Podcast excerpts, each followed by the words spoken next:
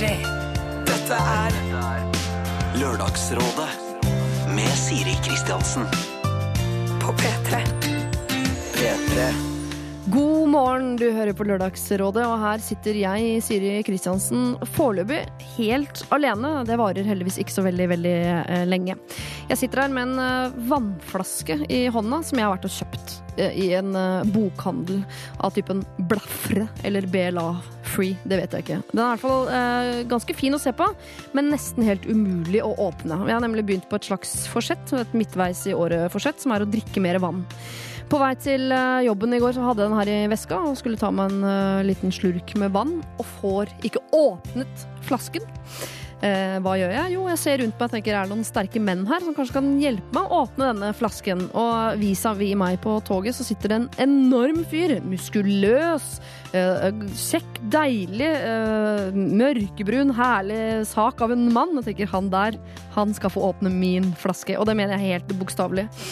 Eh, så jeg ser mot han, hever øyenbrynene, som jo på eh, alle språk betyr hei, kan du hjelpe meg? Og gir han flasken. Og han tar den imot og skal til å vri, og får den ikke opp. Og jeg ser altså han svetter, og desperasjonen altså stiger ganske fort i hele kroppsspråket hans og øynene hans. Han blir Du ser det er akkurat som han mister manndommen sin. Han blir helt desperat, for han tenker så flaut, jeg får ikke opp en flaske.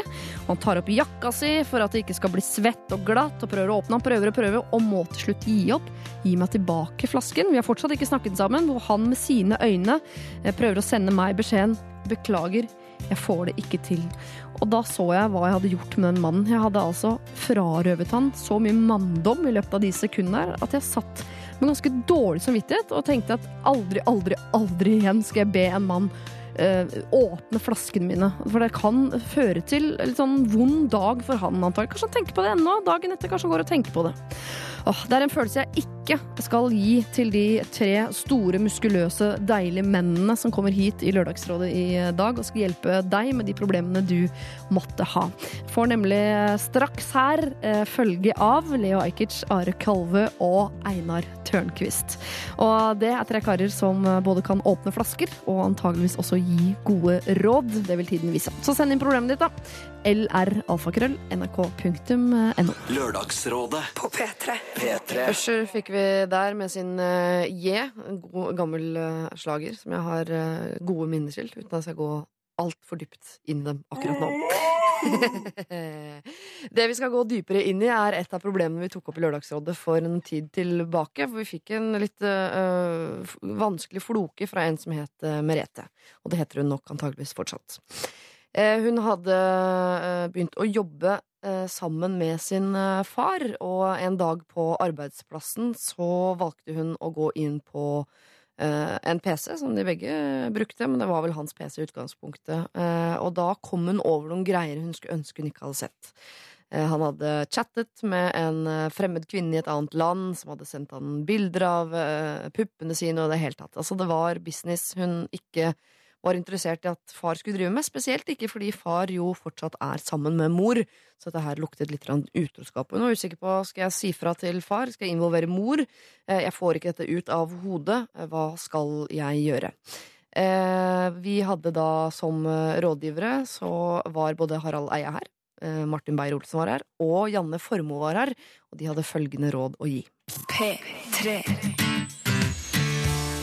Skal et barn ta ansvar for det eller ikke? Men det er jo veldig vond hemmelighet å bære på. La oss ha en konsekvensanalyse, da. Uh, han, hun, hun sier til eh, sin far Så sier han ja, det har jeg gjort. Uh, hvordan kunne du gjøre noe sånn mot mamma? Hva vil skje da, er mitt spørsmål. Hva vil, vil han vil, han, vil de kunne ha en fin prat? Vil deres relasjon bli ødelagt? Det er en litt uoversiktlig situasjon som vil oppstå. Er det ikke noe sånn at ansvarsfrask Så lenge du gir barna, barna dine en god oppvekst fram til de er myndige, og tydeligvis fått et god oppvekst og blitt uh, lært opp i livet Ja. eh, på en forholdsvis god måte, og er veldig oppegående jente, så nå er det alle for en sjæl. Altså. Ansvarliggjøre faren og si at uh, dette kan ikke jeg bære på, så det må du enten gjøre noe med. Ja. Få det, slutte med det, eller gjøre noe med det. Eller si det til mor selv. Hvis ikke så må jeg si det. Ok, Så hvis du ikke kutter ut, så sier jeg det til mor? Er det det Ja, det Og var- hvis du jeg ble fortsetter, redd sier jeg til mens mor. jeg sa det, og trakk meg nesten litt. Men uh, jeg kjente at uh, For det er sånn, stakkar, da blir hun mellomledd og psykologen for foreldrene. Men hun bør si det til far, tenker jeg. Dette er Lørdagsrådet På P3. P3.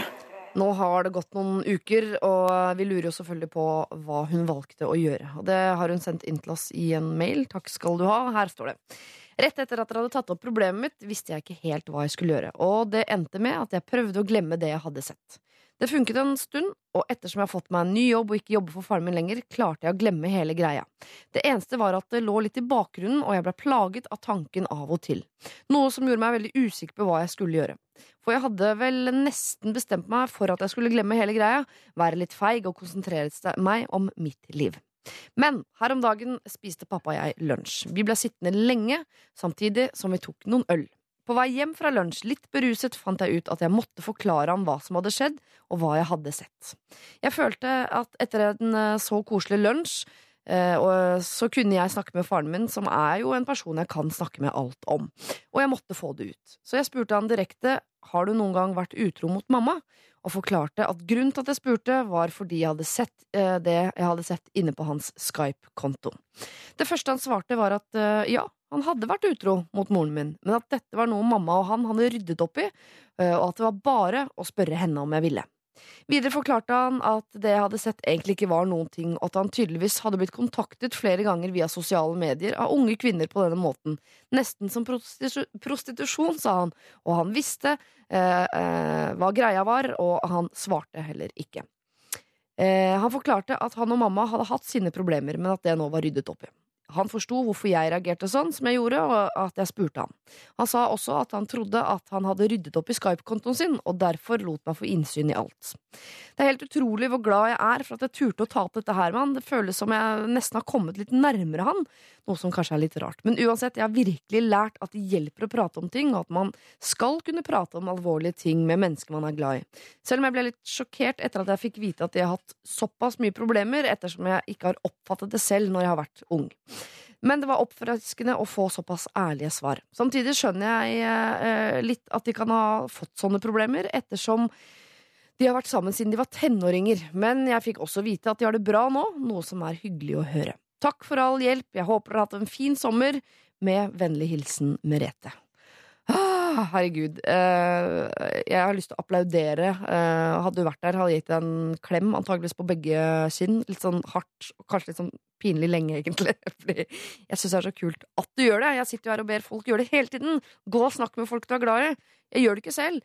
Men jeg vil at du og dere skal gjøre dette her hele tiden, og Merete har gjort det. Og hun kan da levende bevise og stå inne for at det er litt tøft mens det står på. Det kan hjelpe med en øl og god stemning i utgangspunktet, men det er utrolig deilig etterpå. Hun føler seg nærmere sin far. Jeg bare poengterer det om igjen. Så det er en liten oppfordring til eh, alle dere der ute som sitter og hører på og lurer på om dere skal ta opp ting med, ting dere, med folk dere er glad i. Svaret på det er ofte ja. Men fortsett å spørre på mail lralfakrøll.nrk.no. Dette er P3. Vi har hørt Lars Vaular og ordner seg for pappa, og det gleder vel eh, deg, eh, Leo Ajkic. Eh, Velkommen, god morgen. Ja, god morgen, selvfølgelig gleder jeg meg. Jeg vet at han fikk sånne 30 kroner på kontoen eller et eller annet. På Norge, et land som har ting på stell. Tonoordning, du vet. Er det 30 kroner? Så mye? For Nei, jeg vet ikke radio? faen. Jeg, bare- sa et eller annet. 300 kroner, da, for at det skal høres heftig ut. Da skal jeg gi et ikke på. Lurer på om jeg skal blåse støv av kassegitaren og skrive noen låter. Eh, god morgen også til eh, Einar Tørnquist. God morgen! Jeg ser deg ikke bak eh, Du Nei, sitter jeg bak et sitter her. stativ. Du er der, ja. Ja, men lytterne ser meg heller ikke. Det går helt fint. Da er vi på samme planet. Ja, det er hyggelig. Og god morgen til Are Kalve. Hei, hei. Hei, deg ser jeg. Ja. Og hvis jeg kunne velge, så hadde jeg valgt deg også å se på. Takk. Ah. Det var ikke et vanskelig valg, var det, egentlig? Nei, det var ikke vanskelig i det hele tatt. Men det er jo tre altså, indrefileter av noen menn jeg har med meg her eh, i dag. i Tre timer til disposisjon. Eh, jeg får prøve å stå for det, eh, det myke og feminine, hvis ikke noen andre vil kaste seg over det. Einar, Nei, jeg er ikke noe interessert i noe feminint som mykt, så det Nei. kan du ta deg av. jeg kan ta det. Ja. Jeg vil gjerne bidra med litt femininitet, hvis det er greit. Å, unnskyld meg, frue. Jeg tenkte å høre med dere nå som høsten er over oss, om hvilke prosjekter dere har gående. Er det noe nytt? Hva skjer med livene deres? Ingenting. Nei. Herregud, en kjedelig gjeng. Det er jo dagdriving og den slags. Jeg gidder bare ikke skryte. Ja, det og det som skjer. Det er så jævlig mye som skjer. Jeg bare gidder ikke. Jeg gidder ikke å begynne å fortelle engang. Er ikke du sånn nå som uh, diktaturet er over, så har du sånn tre måneder i Thailand for å hvile ut? Er det ikke sånn programlederen blir behandlet hva her i jeg vil, men jeg har valgt å tjene noen penger, du vet. Ja, ja. Så du har nye prosjekter gående, altså? Ja, nonstop hele tiden. Ja. Ja. Hva med deg, Are? Er ikke du i gang med ny runde på Jeg er på, jeg er på turné Ja. for tida eh, og spiller den fantastiske soloforestillinga mi eh, 'Kalvø en time av livet ditt du aldri får tilbake'. Og når jeg ikke er på turné, så spiller jeg den i Oslo. Den Sånn eh, prisbelønte, må du huske å si. Den prisbelønte, eh, takk, Ja. det glemte jeg. Ja, den prisbelønte forestillinga Mm. spiller jeg faktisk både på turné og i Oslo. Så jeg skal ikke ha fri nå før eh, 17. mai 2016. Da skal, jeg, da skal jeg ha ordentlig fri. Da skal du til Thailand i tre uker. Da skal jeg til Thailand i tre uker. Ja. Hvor skal du feire natt til 17. mai eh, 2016? Jeg er usikker på eh, Blir Tryvann igjen? Nei, natt til seks- natt til 17. mai så, så er jeg sannsynligvis på et kulturhus, og der er det jo Der går det jo alltid vilt for seg. Ja. Nattforestilling med Are Kalve. Yes. Ja, for russen. Det blir kult. Eh, og, og Einar, hva Er det Åh, bare, hemmelig, noe, bare noe topphemmelige greier jeg driver og filmer, da. Ja, ja. Ikke noe spesielt. Nei. Jeg har noe med TV 2 å gjøre, eller? Det har noe med TV 2 og eh, Monster Entertainment å gjøre. Apropos hemmelige ting. eh, Er det hemmelig hva du har tenkt å stemme i over i morgen? Eller har du allerede forhåndsstemt noe annet hemmelig? Det er jo Jeg har allerede forhåndsstemt noe annet Mm. eh, hemmelig. Hvorfor vil du ikke si det høyt? Får du ikke lov av TV 2? Er, altså, eller er, Jeg er så redd for at de som, alle de som stemmer på andre partier enn meg, skal synes at jeg er motbydelig. Oh, ja.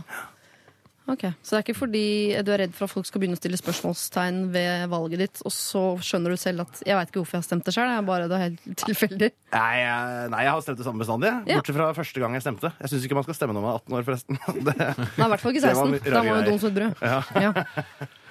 Ok, så det er hemmelig, men du har stemt. jeg har stemt. Hva med deg, Are? Jeg har stemt. Hemmelig? Ja, det er mest fordi at jeg mistenker om at jeg kanskje har stemt feil. Så jeg har ikke lyst til å si det. Men har du stemt det samme bestandig? Nei, Nei? har, jeg har vært innom flere. Vinglepetter? Jeg er ving, veldig vinglete. Og jeg er, jeg er litt for vingling i politikken, egentlig. Ja. Jeg syns politikere burde ombestemme seg mye oftere. Ja. Jeg har egentlig ikke så veldig tillit til folk som mener det samme hele livet. Det syns jeg er litt skummelt. Ja, de Jeg mener, ikke, det- jeg mener ikke det samme nå som jeg mente for 20 år siden, for eksempel. Nei, det gjør ikke jeg heller. Nei. Da hadde jeg lyst på Tommy og Tigeren-tatovering og, og skulle bli delfinforsker. Så det er jo Ikke sant? Akkurat som Steinar Sagen og Jens Bull har jo hver sin Tommy og Tigeren eh, Nei, det er Bamse og Stekkes Bjørn. det. Å, herregud. det. Er så dumt. Mm. Eh, er det hemmelig hva du skal stemme, Leo? Eller har du stemt? Eller skal du ikke stemme? Altså, hvis jeg sier at jeg ikke skal stemme, så har jeg gjort helt feil, for jeg jobber jo med å få Ingrid til å stemme. ja. Men jeg vet ikke. det kan hende jeg ikke skal stemme. Jeg vet ikke. Det er to dager på meg. Ja. Jeg har latet som om jeg skal stemme hele tiden, og alle treffer ja, ja, har du stemt, jeg stemmer. Det er liksom, det, det der, Sjekk ut hvordan været i dag har blitt byttet ut med ja, har du stemt. Ja. Det er liksom den korte snakkisen når du treffer folk kjapt. Men grunnen til at eh, snakkisen blir så kort, er fordi ingen vil eh, stå for hva de stemmer. Det synes jeg er en folkesykdom. At Ja, ingen tør å stå jo, for valget sitt. Men jeg har ikke lyst til å påvirke andre. Det er så mange som Hva er det du har i kjeften? Gulltenner? Og jeg har lyst på det. Hva er det du stemmer på? Og da skal jeg òg stemme på det. Jeg har ikke lyst til å liksom påvirke, få så mange med på min side. Jeg har jo ikke det. Det er det, det, er det som er mitt problem. Det er så mange som, det er mange sauer, og jeg er en gjeter, og jeg har ikke lyst til å bare gjete folk hele tiden. Så Derfor har jeg ikke lyst til å si hva jeg stemmer på. Åh, det partiet du stemmer på, uh, vrir seg i graven. Bondepartiet. Gjeter, sau, 1 2. Det er deres våte drøm. Siv Kristiansen, Ja. La eh, spørre deg. Hva skal du stemme? Du, jeg har alltid vingla mellom Arbeiderpartiet og Venstre, ja. og det gjør jeg fortsatt. Men jeg har to dager på å bestemme meg, men det blir en av de to. Det kan jeg fortelle. Ligger ikke Senterpartiet og KrF mellom der?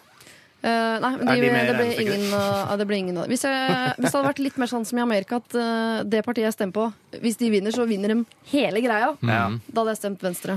Men uh, ja. sånn det ikke. er det gøy å stemme noe helt sånn crazy av Kystpartiet da, liksom? Ja, men, det er, Kystpartiet, i- diktatur i Norge. altså, men er ikke det som å ringe på stikka? Det høres ut som en veldig morsom vits, men det er ingen som får den med seg, for det skjer ikke noe mer. Er som å ringe Altså, på ikke stikke av. heller det. Heller det. Ok, men Har dere valgt hvordan rådgivere dere har tenkt til å, å være i dag? Du skulle ikke være myk og feminin, Einar, men Jeg er pragmatisk eh, og vikler meg inn i et nettverk av løgner som jeg som regel eh, pleier å gjøre sjøl. ja. Eh, eh, og du, Are, skulle være litt Jeg feminin? skulle være litt feminin, og jeg skulle ombestemme meg hele tida. Ja. Og, kjempebra. Og Leo, har du tatt noe valg der på hva slags type rådgiver du skal- kommer til å være nå i de neste Jeg vet ikke, timene? jeg har et sånne Jeg var på en fest i forgårs, så jeg er litt, fortsatt litt fylleangst. Så jeg greier ikke å tenke skikkelig over, så jeg kommer til å være sånn impulsiv rådgiver. Det kan hende når jeg går hjem, så angrer jeg på rådene, men jeg greier ikke å tenke helt i dag. Så det En går bra. fest i forgårs? Ja, man, jeg er over Midt i uka. 30 nå. Før Oi, kunne jeg feste tre-fire dager på rad. Du vet, nå Jeg sovner etter en runk, mann. Det er liksom, jeg er eldre. Ja, Det er trist. Og litt vakkert. ja. Det er typisk Ja, det er digg, liksom. Det er digg òg å bli litt tett. La det der med runking eh, Ikke legg det helt bort, for vi skal uh, treffe på en som har et problem hvor runking er noe problemet. Og det er ikke om lenge heller. Eh, vi har rett og slett valgt å åpne dagens Lørdagsråd i dag. Første problem ut har runking i seg.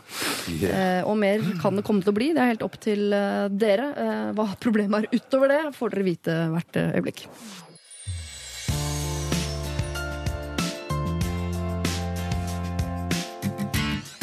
Vi har hørt Falls med Mountain at My Gates, og det betyr at vi er i gang med rådgivningen her i Lørdagsrådet. Dagens eh, rådgivere er eh, programleder Leo Ajkic, eh, humorist, satirekonge, forfatter og prishøster Are Kalve. ja, det var det jeg kom på i farten. Og programleder Einar Tørnquist. Tusen hjertelig takk mm. for det. Vær så god.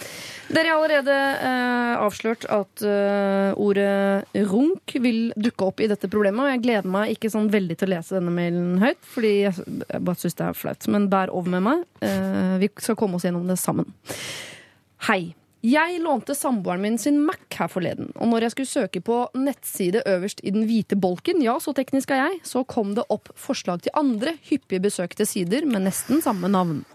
Jeg ble veldig satt ut av det som dukket opp, så jeg måtte bare gå inn og se hva det var. Denne nettsiden jeg fant, het noe så flott som Nakenprat. Jeg fikk eh, Der har Einar tydeligvis vært.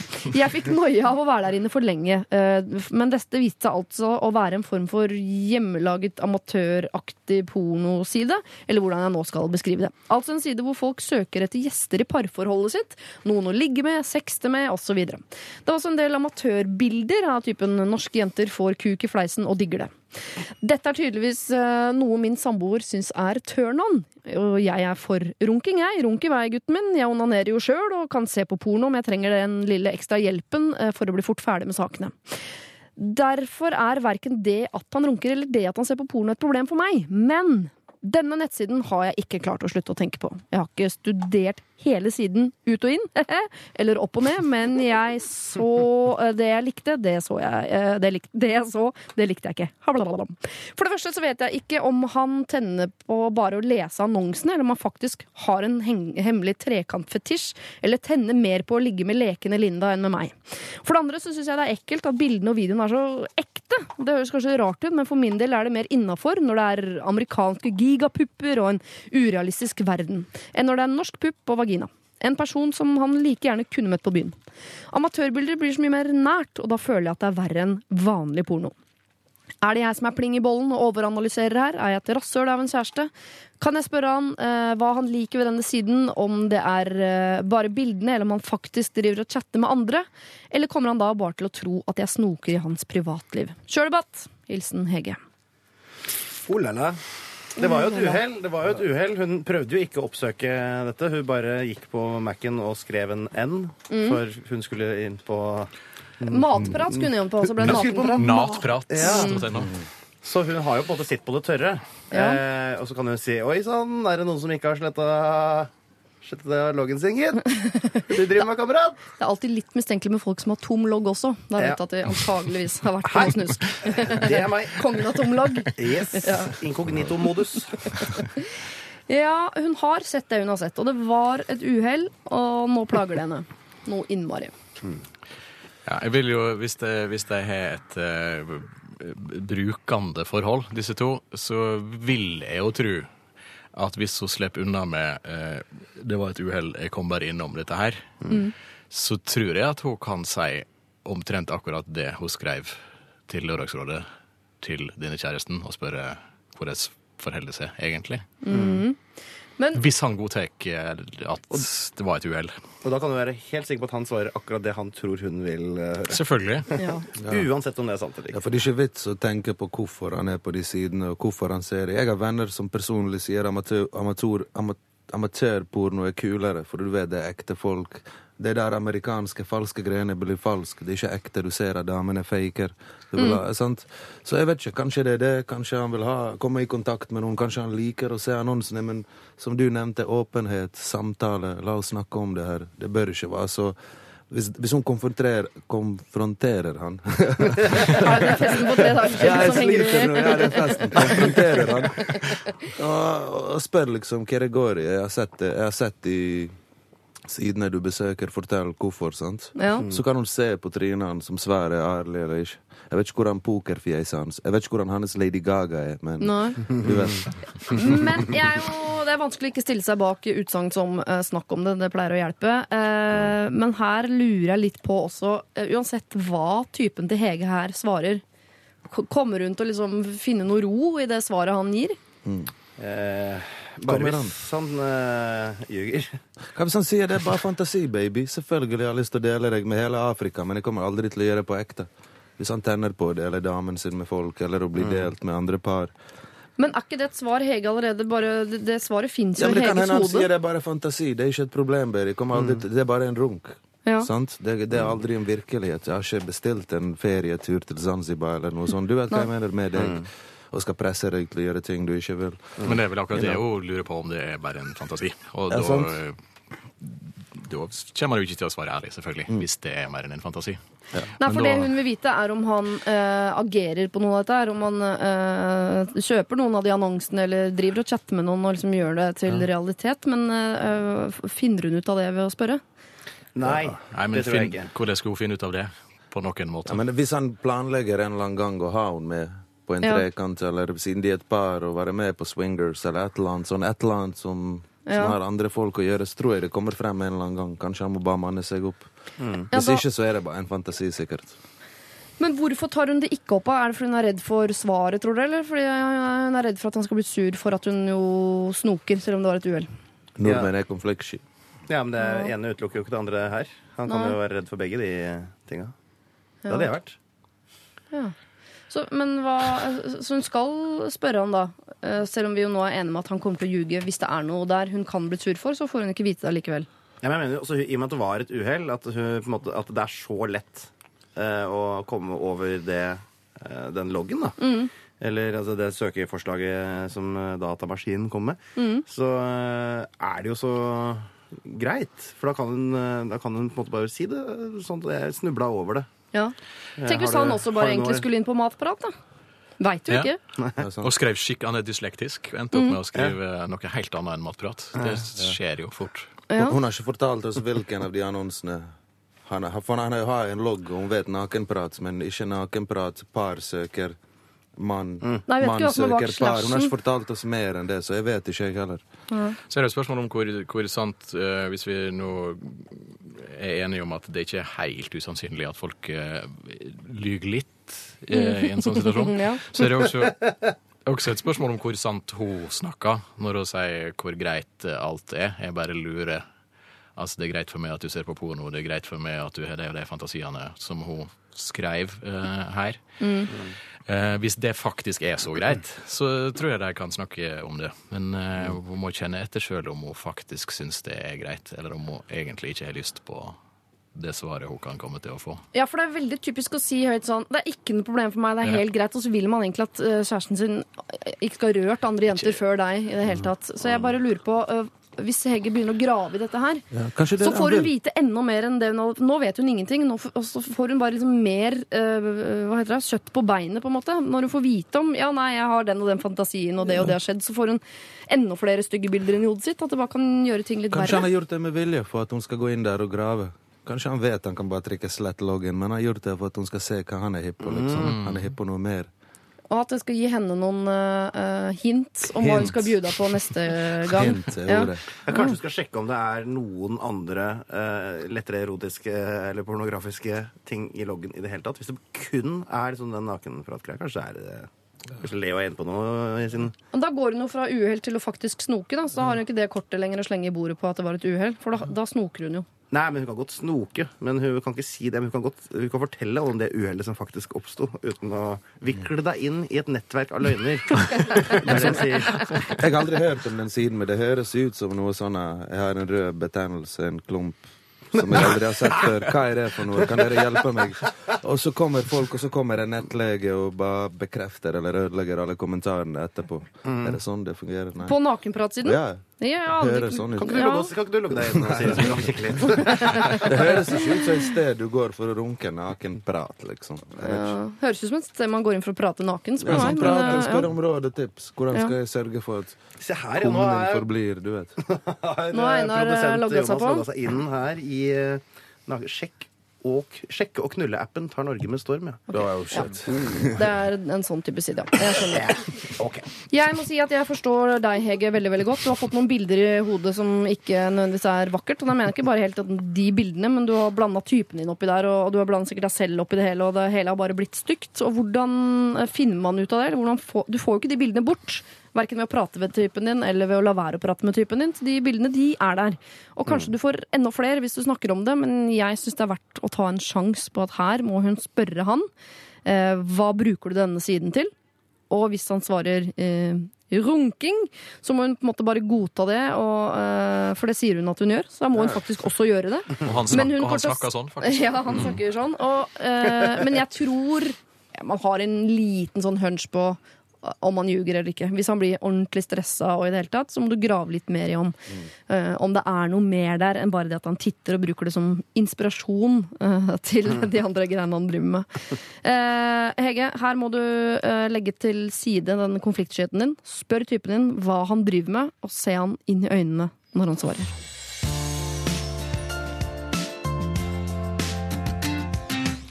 Rihanna, 'Only Girl in the World' var det. eh, og det er siste låt vi hører før vi nå skal gå om bord i en båt, folkens. Eh, Einar Tørnquist, Are Kalve og Leo Ajkic. Eh, dere alle er Kølve. dere har alle redningsvester på idet jeg nå begynner å lese dette problemet. Kjære Lørdagsrådet, Jeg har et lite problem som jeg ønsker noen råd om. Jeg er nemlig veldig redd for båt. Altså sitte på når andre kjører båt. Enten det er danskebåten eller ei lita jolle. Full storm eller stille hav. Jeg blir veldig engstelig og ubekvem. Dette hadde ikke vært et problem om jeg ikke hadde hatt noe med båter å gjøre, men både familien og kjæresten eier motorbåt og elsker å være på sjøen til alle tider. Og jeg tør ikke å si nei og være den som sitter igjen på brygga. Så jeg blir alltid med, men er redd under hele båtturen. Det skal sies at jeg snakket med min kjæreste om dette, og han respekterer det og kjører pent når jeg sitter på, men frykten slipper ikke helt taket. Så hvordan skal jeg slutte å være redd for å kjøre båt, og heller nyte det like mye som resten av familien og kjæresten? Hilsen Nora, 19 år. Jeg vet ikke om dere sitter med noe fagkompetanse på akkurat det feltet, men har dere noen tips til hvordan man kan bli komfortabel i situasjoner man vanligvis ikke er komfortabel, eller er redd, da? Jeg tenker eh, Sist gang jeg var i Kroatia, så satt jeg på en båt uten å sitte på en båt. Jeg var på en fallskjerm 300 meter opp i luften og ble dratt med. Oi. Så hvis hun blir båtsyk og ikke tåler det, kanskje hun tåler litt sånn flaggskjerm Hva heter det? Fallskjerm. At du skal kjøpe seg sånn sydenfallskjerm og bli Ja, dratt bak blir dratt båten bak, så hun er med på turen uten å være på båten, uten at vi trenger å høre maset hennes, uten vi trenger å se på angst. Hun har ikke sagt at hun har flyskrekk, så Nei, det er en fin måte å løse det på. Ja, da var det problemet løst. Jeg vil tippe at hvis hun, hvis hun, er redd for å, hvis hun er redd for å være i båt, så syns hun sikkert det er helt topp å så flyge bak en båt. Kan jeg aldri tenke meg at det er et problem. Og særlig bak danskebåten. I 24 timer bak danskebåten. Det er sånn ballong, det er en sånn stor ballong og bare dra den bak. Som bare hopper på vannet i en ballong, eller et eller annet. Eller under vann i en ubåt. Under båten, eller jeg vet ikke. Det du sier, er sier noe som er enda verre. Det er det som er poenget. Ja, det er ikke sikkert det. Eh, For eksempel, eh, jeg var veldig redd for å kjøre båt en stund, helt til jeg skjønte at eh, du kan ikke være redd for båt, fly altså, et eller annet, Du må komme deg fram på en eller annen måte, så da slutta jeg å være redd for båt. Du valgte én. Bare bestemte det? Jeg bestemte meg litt for det, men mens jeg var redd for båt, så var jeg helt komfortabel med å være under en båt, for eksempel, eller bli dratt bak en båt. Under en båt. Ja, jeg kan dykke, for eksempel, eller Oi. sitte på sånn banan. Var, alt det det, er der var helt topp. Ja, men helt seriøst så er sånn eksponeringsterapi, fobibehandling, Ja. er ganske mye mer behagelig enn man ser for seg. Ja. Eh, jeg har gjort det. Eh, Hvilken frykt var det du eksponerte deg for? Arachnofobi, som er altså edderkoppfrykt. Oh, ja, du skulle ikke bry deg med noe feminint i dag, sa du, men uh, vips, der var det. Ja, men det finnes både hann- og hundeedderkopper, og hundeedderkoppene spiser jo faktisk hannene etter sex. Oh, jeg bare syns det er litt femi å være redd for edderkopper. Ja, men akkurat i et- dette tilfellet så er edderkoppene det, altså hundeedderkoppene er veldig macho. Ok, ja. ja. Så derfor Men det er de ikke folk. eh, De prøver. De prøver så godt de kan. Hvis de hadde fått det til, så hadde jeg Så hadde de spist deg. gjort det. Ja. Mm. Eh, og det er eh, såpass eh, Det er jo, Da må du jo til psykolog, da. Ja. Eh, det tar jo, men det tar ganske kort tid, og du vil ikke tro hvor lite problema... Eller hvor liksom Du har liksom kontrollen på det hele tida. Du kommer til å klare det ganske kjapt. Men da forstår jeg ikke, du sier eksponeringsterapi, og så går du til psykolog. Gikk du Mm. Ja, til en psykolog jeg- som hadde uh, edderkopper, da, eller? Nei, altså Jeg studerte jo på en måte noe av dette her. Så Du spurte om fagkompetanse i stad. Ja. Eh, som I min bachelor i atferdsvitenskap så er fobibehandling liksom en del av det. Så da gjorde jeg det rett og slett på meg sjøl. ja. Leide en kjempeedderkopp? Nei, jeg tok eh, fram et bilde av en edderkopp som jeg holdt helt inntil fjeset mitt, så jeg ikke kunne se den. Holdt ja. den mellom eh, øynene sånn, mens jeg så på TV i bakgrunnen, noe som Ja. jeg kosa meg med. Det var skihopping, faktisk. Og så Ja. trakk jeg liksom den, det edderkoppbildet litt lenger unna øya, så at jeg så det bare så vidt at nå var det en tendens til at jeg så en edderkopp. Mm. Holdt jeg det så langt unna, helt til måte, jeg kjente at pulsen min roa seg, sånn at jeg var komfortabel, så litt lenger unna. Og til slutt så holdt jeg da på en måte, det bildet sånn at jeg kunne da granske og se på edderkoppen og nesten med litt sånn interesse og hugga meg litt. Og, det var helt, og da kunne jeg til enhver tid avbryte prosjektet, se på TV. Når jeg hadde full kontroll sjøl, da. Så du sier at Nora skal ta bilde av en båt, holde det Ja. helt inntil fjeset, og så gradvis dra det. Fett. Nei, det er en annen måte å nærme seg det Og, og etter dette her har ikke du vært redd for edderkopper? Nei, jeg er ikke det. Nei. Jeg, så jeg syns ikke det er behagelig å ha har den i senga. Men eh, jeg, jeg er ikke redd for det. Du må kure en forbi Altså, du finner motgiften i forbien sjøl. Ja, Jeg tror- ja. Jeg har hørt om en gutt som hadde slangefobi. Så ble han låst inne i et rom med en slange, men han ble bare homo etterpå. Han hadde, få, han hadde ingen slangefobi mer, han ble homofil. Det er helt sykt. Altså. Han fant seg selv. Det, det fins en roman om det, en bok fra Ja. 80-tallet. Ja. Ja. Eh, Jeg, tror ikke, jeg tror ikke det er så enkelt, da. For det alle. kan du gjøre, Nora. Absolutt. Jeg tror, Eh, tror ikke alle er så enkle som uh, herr Tørnquist her. Altså. Hvis, du Ja, det er ser et, hvis du ser et bilde av det du er redd for uh, lenge nok, så er det greit. Det. Ja, du må av og til gjøre Jeg har høydeskrekk, og jeg måtte bare rappellere fra sånn 60 meter. Og uh, det var jo bedre etterpå. Men jeg måtte være med folk som hadde mer høydeskrekk enn mer, og så se på de og le litt av de og sånn. Det hjalp. Men der ville jo trikset vært å gå en stige. da Stå på første trinn til du liksom er komfortabel og. Gå opp et trinn til du er komfortabel med det, og så det hjelper det. altså Stort på meg. ja. Men tror dere det kan være noe i Nå har hun snakket med kjæresten sin om at hun er redd for å kjøre båt, men ikke noe til resten av gjengen som står og hoier og uh, skvulper og koser seg utpå der. Hvis bare den frykten er litt mer sånn åpen, at hun sier fra til alle at jeg eh, blir med fordi jeg liker dere, men jeg liker ikke båt, men jeg jobber med saken. At all, flere tar hensyn.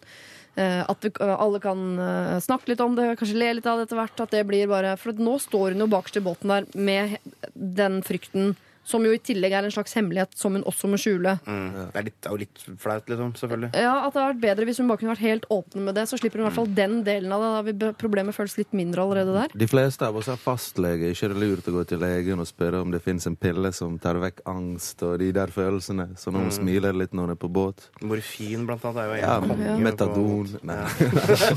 Narkose hadde vært helt Ja, eh, Lattergass. Jeg vet ikke et eller annet. Ja, men hvis hun sier, sier det til alle, eh, så, så vil jo det Jeg vil jo tro det hjelper. Jeg får snakke om alt. Eh, men hvis hun sier det til alle, så vil det hjelpe. Og så vil kanskje de andre av og til foreslå å gjøre andre ting enn å være i båt. For det, det er jo hyggeligere å være på land enn å være i båt, Ja. egentlig. For hun må være med, ikke sant? Vi syns ikke at hun skal bli igjen, vinke farvel og koke poteter mens de andre er borte. Jeg sier hvis jeg er på båten, for all del ikke si til meg at du har båtskrekk. Jeg kommer til å være oh, sjekk ut en hai, sjekk ut somaliske pirater. Oh, nå kommer tsunami, den perfekte stormen. Altså, det, jeg kommer bare til å kødde med henne. Det beste er å bare si at hold kjeft, og så Nå kan vi jo gå, kan vi gå ut fra at denne familien ikke er ondskapsfull. eh, Ja. ja. Vi kan iallfall Vi kan gå kan ut fra det, vi kan håpe håpe det. det. Ja, jeg håper det. Ja. Nora, jeg håper at uh, familien ikke er ondskapsfull. I så fall så får du henge bak båten i en sånn uh, fallskjermlignende sak, eller henge bak på en eh, banan, eller stå på vannskje eller noe. Hvis ikke så tror uh, jeg at du er nødt til å konfrontere denne frykten. Enten ved hjelp av grep som Einar nevner, altså se lenge på bildet av bølger, eller hva det er du eh, Finn ut av hva du er redd for, Se hvert på Se på bildet av bølge, fall. Du har Ja, gjort. ja. Gå og Se se den Bølgen. bølgen, den filmen. Kjempetips. Eller eh, i hvert fall være åpen om den frykten, så slipper du å bære på det aleine. Kanskje det ikke bare er kjæresten din som eh, tar hensyn når han kjører båt, men kanskje svigerfar og alle de andre også hiver seg på eh, bølgen av Nå har jeg vikla meg inn i et bilde. Men ingen metaforisk fastlege. eh, Ingen fastlege. Ja, Få med fastlegetipset til Lea, da. eller gå til fastlegen. Ja, det er bra, det. Er bra. Har du et problem du vil at vi skal eh, løse, eh, som ikke fastlegen din kan ta, så send det inn til oss. lralfakrøll.nrk.no. Lørdagsrådet med Siri Kristiansen. På P3. P3.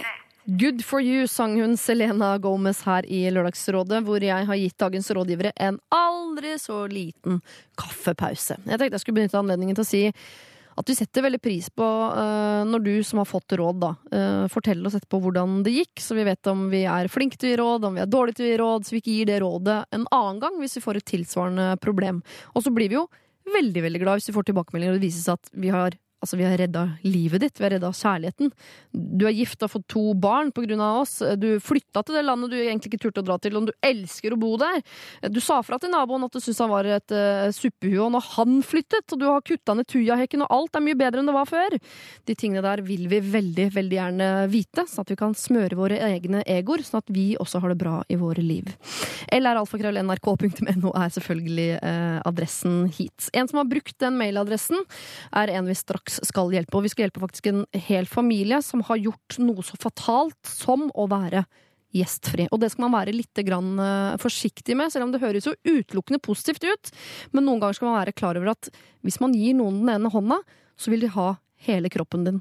Og det er eh, et eh, ganske tydelig bilde på at hvis man er grei, så kan det komme og bite deg litt i ræva. Da må man fortsette å være grei, og når du har greia deg inn i et greit hjørne, så er det vanskelig å være kjip og komme seg ut av hjørnet sitt eh, igjen. Dette vet jeg lite grann om. Ikke så veldig mye, egentlig, men jeg kan se det utenfra. Og heldigvis så har jeg jo dagens rådgivere også til å gi råd på dette. Vi skal til Tyskland. Og tilbake igjen hvert øyeblikk, men først litt uh, musikk. Uh, Johnny Onkel P først ut her med 'Glir forbi'.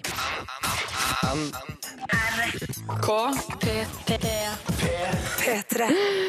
Try Me hørt med Jason Derulo sammen med Jennifer Lopez som Atoma, og før det altså Johnny sammen med Onkel P glir forbi. Eh, vi får Tyskland på besøk, dere. Eh, og det vet jeg at gleder i hvert fall deg, Einar Tørnquist. Er ikke du sånn Tyskland-fantast? Er, er ikke du veldig glad i litteratur om annen verdenskrig? Det sier du bare fordi at jeg var nazist fram til jeg var 30? Ja, det er kanskje det jeg tenker på, ja. ja. eh, Are Kalvø, Leo Ajkic, jeg vet ikke hvilket forhold dere har til Tyskland. Det er ikke så Jeg relevant bodde heller. der, jeg. Jeg bodde i München Hvor lenge da? fire-fem måneder da jeg var liten flyktning. Så Snakker du så- tysk? What's up? nei, nei, men jeg, det tipper jeg du sier. Jeg snakker sånn bosnisk-tysk. Bosnisk-tysk Med harde r-er og sånn. Ich verstehe Deutsch. Hva sagst du? Hvor bist du? Hvor is das Geld? Det er viktig. Hvor er pengene, liksom? Geld. Jeg kan ikke et ord tysk, eh, men jeg har klart meg helt fint i de årene jeg har levd. Eh, dere, her er Sara, 33 år, bekymret datter, skriver. For rundt 20 år siden jobbet min mor i en klesbutikk. Det dumpet inn et tys en tysk dame som lurte på om min mor visste om det var et sted i nærheten hvor det var mulig å overnatte. Grunnet fotballcup var alt fullt, men snill som min mor er, åpnet hun vårt hjem og slapp inn denne kvinnen i våre liv. Hun ble værende i en uke. Og etter det besøket, ja, så besøkte hun oss hver sommer. Vi har også besøkt henne, men tør påstå at hun nok har vært mest her i Norge. For noen år siden fikk min eh, mor hjernebetennelse etter flåttbitt, og etter dette så blir hun veldig fort sliten. Dette bekymrer selvsagt oss døtrene, og vi maser minst mulig på henne med tanke på barnevakt og alt mulig annet. Vi inviterer heller våre foreldre på middag og hjelper der vi kan. Og er vi så gale og ber om hjelp, eh, er hun der med en gang og strekker ut begge hender. For ei dame. Så til problemet. Denne tyske damen har til tross for at hun vet om både hjernebetennelsen og en annen alvorlig sykdom, eh, fortsatt å dukke opp. Det er ikke et spørsmål engang, hun bare gir beskjed om at hun og hennes nye mann kommer, og de blir boende i to uker. Vår kjære mor og far sier selvsagt ikke imot og åpner dørene, eh, men klager veldig mye til oss over hvor sliten hun blir av å ha dem på besøk, og ønsker dem dit pepperen gror. De forventer at maten skal bli servert, og gjør null innsats for å hjelpe til med frokost eller middag. Selv om min mors hverdag byr på arbeidsdager, forventer de at middagen skal lages når hun kommer hjem, og at hun etterpå skal ta oppvasken. Hun valgte å droppe den ene uka med ferie for å jobbe, for på den måten bare få litt fritid fra disse menneskene. Og hun nekter å gi klar beskjed om at de ikke vil ha besøk. Så hva gjør vi, da? Jeg er også ganske konfliktsky, men en av mine to søstre lider ikke av dette, og tar det gjerne på strak arm. Problemet er bare at hun kun snakker tysk, og vi behersker ikke språket på noe som helst plan. Så hva gjør vi? Vi liker på ingen måte at vår kjære mor skal slite seg gjennom to uker hver sommer. Hun ser fryktelig sliten ut når de har reist igjen, og det tar et par uker før hun er seg selv igjen. Så kjære fine folk, har dere en løsning? På forhånd en enorm takk. Flytt, skift telefonnummer, ikke send flyttemelding. Er det så, må vi dit? Jeg har vurdert Fek det. din skjønner egen død. Ja. Vi er der, ja. Åh, Og høres, ja. høres jo ikke, ikke ut til noen til å være en person som, som tar hint. Nei, jeg kjenner ikke til den tyske kulturen annet enn via film, hvor de veldig sjelden fremstilles eh, på en veldig hyggelig måte. Men Spesielt type film har du Eh, snakket om. Hva heter den hunden? Tysk schæfer eller noe sånt? Rex. Rex. Det er jo grunn til til det er tysk. For nå får du en venn, som er en venn for livet. Du blir aldri kvitt han, en tysker. er de sånn, altså? ja, det, du må drepe han. At, at tyskerne invaderer, det er liksom Det er et begrep vi fortsatt kan bruke. Tenk, tenk om det hadde vært Når blir det mulig å snakke om Tyskland uten å havne i andre verdenskrig? Ja, det går ikke. Åh, det er lenge til, altså. Det er mange generasjoner. Det er generasjoner. Ja. Kanskje de de må liksom bare si sånn I- I'm so much into German culture, I become Nazi. Og så skremmer de vekk med deres egen uh, Bli sånn mer tysker enn det de er. Spiller Ja. litt på det. Nei, jeg vet ikke. Men jeg ser, to, jeg ser to muligheter. Det ene er Google Translate, for de sier de ikke kan snakke. Og norske språket og tyske er jo ganske så likt. Det er ikke som du oversetter kinesisk til norsk, og grammatikken er helt feil. Det er, jeg er, du er, ich bin, du bist. Google gjør resten av jobben. De forstår. Skriv på norsk, oversett, send et brev. Ja, egentlig syns jeg det eh, Ikke bare er det lurt, men det, er også, det gjør at eh, konflikten eh, blir mindre, for du slipper å ta det face to face. Og du Ja. har en gyldig unnskyldning til ikke å ta det face to face. Jeg snakker Ja. ikke språket ditt, så jeg må skrive. Og det er en skriftlig klage òg. Sånn som når jeg spiller høy musikk eller bråker om natten, eller et eller annet, så vet ikke jeg hvem av naboene som klager. Jeg får bare en sånn Det er noen som lager en mail og oppretter en ny mail kun for den beskjeden, og så får jeg beskjed om at jeg har to muligheter til på meg før jeg må flytte ut, eller et eller annet. Men jeg vet ikke hvem som har sendt det. Ja, det er lurt. Da slipper vi konflikt, men jeg har blitt Men de tyske kommer til å skjønne at det er i hvert fall én i familien der, da. Ja. Men de vet jo ikke hvem, om det er fra mor eller om det er fra søster. Men de har jo, det er jo en søster her Hvis som ikke er søster som, som gjerne vil gjøre det, så la hun gjøre det. Det er litt besnærende å opprette en mailkonto i navnet til mora, da. Ja, det, men det er ikke det sl- Men hun moren vil Ja, men jo at alle skal synes hun er hyggelig og gjestfri og imøtekommende og Ja, det er problemet, sant? Jeg skjønner, jeg skjønner jo det. Ja. Det var så, så fristende. Ja, veldig. For da vil jo ikke Mora vil aldri få vite hvorfor hun slutta å ta kontakt. Uh, tysker. Hvorfor hun ble så sur plutselig, hun tyske venninna. Hva galt har jeg gjort? Men er ikke det der veldig rart? Altså, Hun vil ikke ha det på besøk. Hun liker det ikke- dem ikke. Hun ønsker dem dit pepperen gror. Men å si ifra? Nei, men da er man jo ikke noe hyggelig, og da syns jo ikke de at jeg er hyggelig. Nei. Hvorfor er det så viktig at de skal synes at du er hyggelig når du ikke vil ha med noe med dem å gjøre?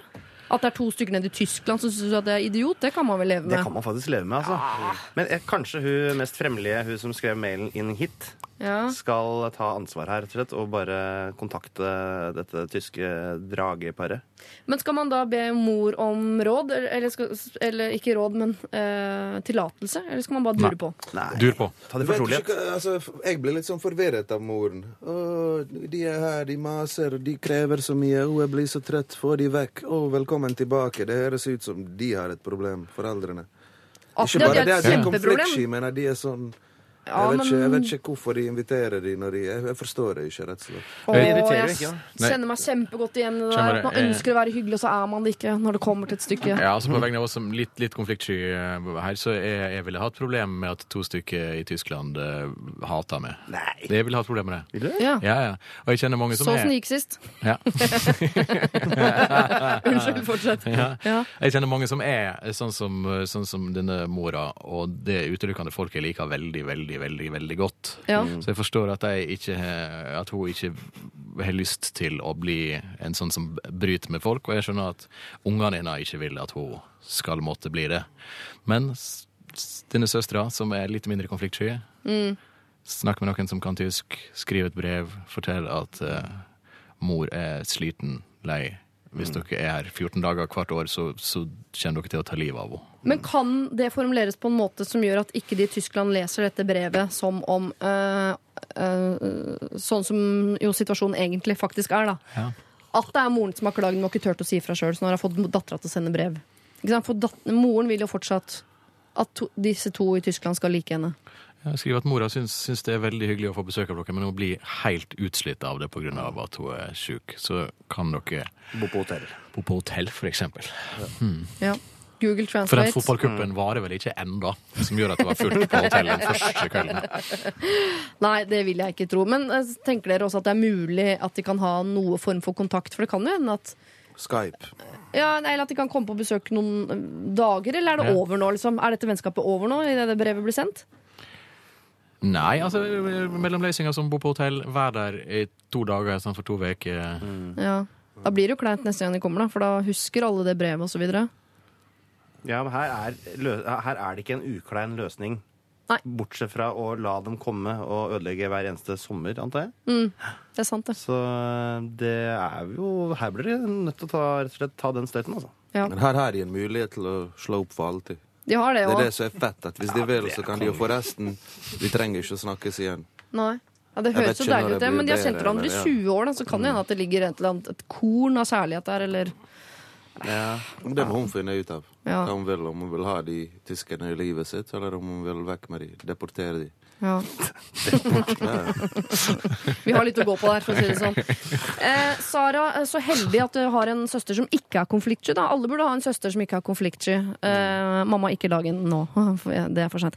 Men eh, det hadde vært veldig fint å ha det. Eh, så la henne skrive en mail som moren din kommer veldig veldig godt ut av. Så godt ut av at dere kanskje til og med kan ha noe med det å gjøre framover også, men da eh, fordi de bor på hotell i nærheten, eller bare er innom en dag eller to, eller, eh, eller noe lignende. Og så sender hun via Google Translate eller en venn dere har som snakker tysk. Eh, kanskje Leo kan være behjelpelig til å oversette.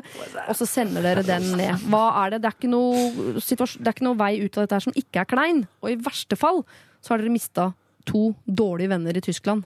Det kan vi leve med. Zwei, zwei Stück Freunde. Krankenschwester. Ja. Take it away. Dette er Dette er P3.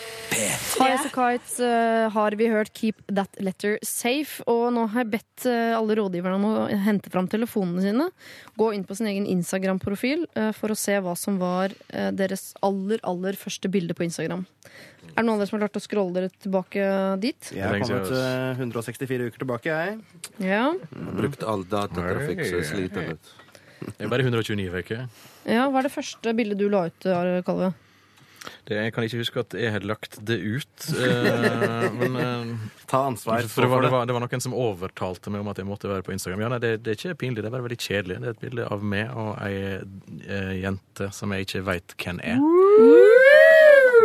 Eh, og jeg tror vi er backstage eh, i Nakenprat-kickoff. Mosjøen. Ja. Mm, og jeg har på meg ei T-skjorte der det står 'Near a tree by a river there's a hole in the ground'. Hvis dette er antakeligvis en fan da, som har det samme Nå- bildet på Nå siden. tenker, nå tenker Tørnquist Det er noe tegn med sangtekst. Det er korrekt. Hvilken er det igjen? The Riddle. Ja Nick Kershaw. Hva er det første bildet du har, Einar? Når første først er så godt i gang med Det er bildet av stua mi fra forrige leilighet. Eh, som eh, jeg, Det slo meg hvor uh, dandy eh, jeg er. Det er litt sånn fluffy teppe og litt sånn eh, glitter på putene og sånn. Og der bodde jeg aleine. Så det var egentlig det det handla om. Eh, Skinnsofa og det hele.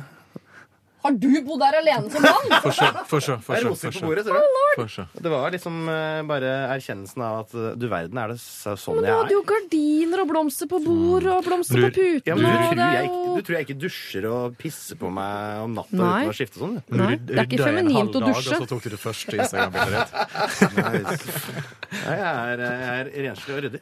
Ja, men det, å ha gardiner handler ikke om å være renslig og ryddig. For er Det det noen som ikke er renslig eller ryddig, så er det gardiner. Frihet til å onanere. Altså, det er en okay, okay, ok, ettroms leilighet med innsyn. Så fint at du dro det dit. Det hyggelig. Eh, Det er veldig deilig. Har du eh, klart å Ja, jeg har funnet det. Det er, Ja. det er ikke noe fett bilde, det er bare kjøleskapet. Et postkort. Postkort fra hjembyen min. Bilde av meg som baby, og så to sånne biler. Sånne ja, er samlebiler. Få se. Ja, Og det er et bilde av kjøleskapet ditt, og der henger det bilder av deg som Nå, men Lite søt. Og to små biler som Ja, sier den ene er bilen til Vlade Divac, en sånn kjent basketspiller fra Lakers, når han spilte på Kings. Uansett. Måtte ta et testbilde. Kjøleskapet mitt. Gorenje Seff. Made in X Hugo. Selvfølgelig i Du vet når du kjøper Sony-produkter, og så, og så koster det f.eks. 5000 for et komfyr, så sier hun ja, men jeg har jo liksom Jeg er på å betale litt mer og har litt mer kvalitet. Da får hun i. Jeg har hatt Gorenje-ovn, jeg. Top shit, mann. Smooth, altså. Du får Ja, Damer digger det òg, mann. Og det er lagd i det. X-Jugoslavia. Nei, nei, nei, ikke det. Det var, Å, har du Gorenje hjemme? Jeg blir meg. Gorenje-ovn, Det er den nye korvetten. Vær med hjem på kjøleskapet mitt. OK, dere. Eh, bare nysgjerrighet fra min side, egentlig. Og også eh, fordi det gir meg muligheten til å si at vi straks skal inn i andre sosiale medier, eh, som eh, Facebook og Snapchat. Eh, I det landskapet der er det veldig mye folk. og da også selvfølgelig eh, veldig mye problemer. Eh, hva problemet er, det får du rett etter at vi har hørt How Deep Is Your Love. Dette er Lørdagsrådet På P3. Hun står sist i Nevrolsen, men jeg sier henne først. I Nevrolsen er med på denne samme Calvin Harris og Disciples. How deep is your love? Dere, Vi turer videre med neste problem, og når jeg sier dere, så er det da Leo Ajkic, Are Kalvø og Einar Tørnquist. Jeg er student og har i sommer hatt sommerjobb på en ordentlig arbeidsplass. Med ordentlig mener jeg en plass hvor voksne mennesker med lengre utdannelse jobber. Og de fleste er mange år eldre enn meg. Det har vært øh, lenge kjent at på Facebook så har uh, generasjonen 50 pluss tatt over. Og mine kollegaer legger meg til på Facebook, og det gjør meg ikke så mye. Jeg godtar det. Men den siste uken har det skjedd noe nytt. De har begynt å legge meg til på Snapchat. Det er jeg rett og slett ikke interessert i. Av ren latskap sender jeg sjelden Snap selv til enkeltpersoner, da jeg ikke gidder å scrolle nedover, men legger det ut på My Story. Her fins det få filtre, og det er ikke alt som egner seg for sjefen på 60 pluss. På fredag i lunsjen kom det faktisk opp som et tema om jeg hadde sett at de hadde lagt meg til. Jeg latet som om jeg ikke hørte spørsmålet, da jeg satt på motsatt side av bordet og snakket med en annen. Jeg latet som om telefonen ringte. Jeg har sett det på film, og det funket bra i virkeligheten også. Det verste Der fikk vi litt råd også, i tillegg til problemet, da. Det verste i det hele er at jeg mistenker, ut fra aktiviteten på Facebook, at jeg kommer til å bli bombardert av snapper. Så hva skal jeg gjøre? Eh, Hjelp, jeg trenger råd. Jeg vurderer selv å slutte å bruke mobil, men jeg har funnet ut at det er litt drastisk. Hilsen rådvill student Petra. Petra, så dette er en jente. ja. Det er en jente, ja. Ja, hun ja. får sikkert mye deks på Snap og sånn, og det er irriterende, ja, kan jeg tenke meg. Særlig hvis det er sjefen på 60 pluss. Ja, ja. Ja. For en dikk i ny og ne er jo greit, men ikke når det er sjefen på 60 pluss. Nei, det er sant. Jeg vet ikke, jeg, jeg har jo liksom Sånn som Tørnquist har sikkert det òg. En sånn offisiell side og en falsk side. Og en ekte side. En du kan plage damer på når det går til helvete, sier du det er ikke meg, det her er falsk Leo-side. sant? Altså, nei, ikke det. Nei, ikke det. Nei, men å ha en sånn snap du gir til jobben, som du bare av og til sender en eller annen snap for å gjøre i fornøyd den ræven din, eller whatever de vil se. Og så, ja You know. To snaps. En for, en for folka, en for sjefene. Ja, Nå trenger du jo ikke tenke så veldig på den her eh, jobb... eh, Nei, det er sant. At du må rett og slett opprette en, en parallell profil. ja. Mm. Parallelt liv. Dette var, et Ja. veldig, dette var et veldig konstruktivt løsningsforslag, syns jeg. Vi bare går ut der, jeg. Ja. Men ja, for mitt forslag er bare ikke ha Snap, som er det dårligste sosiale mediet. Ja. Ja, jeg har ikke hatt og utforsket det. gitt opp. Eh, Det er for dårlig. Det er for dårlig. Det fungerer ikke godt nok. Nei. Har du prøvd, Are? Er du inne inne Jeg der? er ikke der sjøl, men Nei. eh, jeg har jo, eh, jeg har jo eh, prøvd eh, Sett på eh, konseptet og eh, vurdert det, og eh, vurdert det som uinteressant. Ja. Men kanskje når du bikker 50 at det begynner å få lokket. Når jeg, når jeg har fått meg enda høyere utdannelse og blitt eh, sjef på en arbeidsplass, eh, og har bikka 60, Og- da Og har lyst til å vise fram tissen din til Yes. øh, unge studenter. det, er jo da, det er jo da du gjerne får lyst til det. Det er da Snapchat virkelig funker. Mm. Mm. Eh? Forresten, Leo Ajkic på Snapchat. Hvis noen vil selge noen fete eller digge bilder, damer der ute, send over. Jeg sjekker det ut. På. Hva slags program ble det? L-E-O-I-J-K-I-C rett frem. Det er det samme på Instagram og Twitter og alt. Er det den samme Er det den ekte, altså den du også viser det er til sjefen, eller? Rett til meg. Sjefen min, jeg vet ikke om han følger med eller ikke. Det, det bryr jeg meg ikke om. Har du en sjef? Hvem er sjefen din? Det er meg. Så jeg ser aldri på min egen My Story. Jeg ser den bare før jeg poster den. Du sender bilder av din egen penis til deg selv. Bare fy faen, sjefen er rå, ass. Ja. Ja, ja. Eh, Petra, eh, det må du gjerne gjøre hvis du har lyst til eh, det. Men det faktisk er noe av det mest konkrete eh, og fine tipset noensinne har eh, hørt. Vi går for det. Du må opprette en parallell profil som er eh, mild og fin, og som du nesten aldri bruker.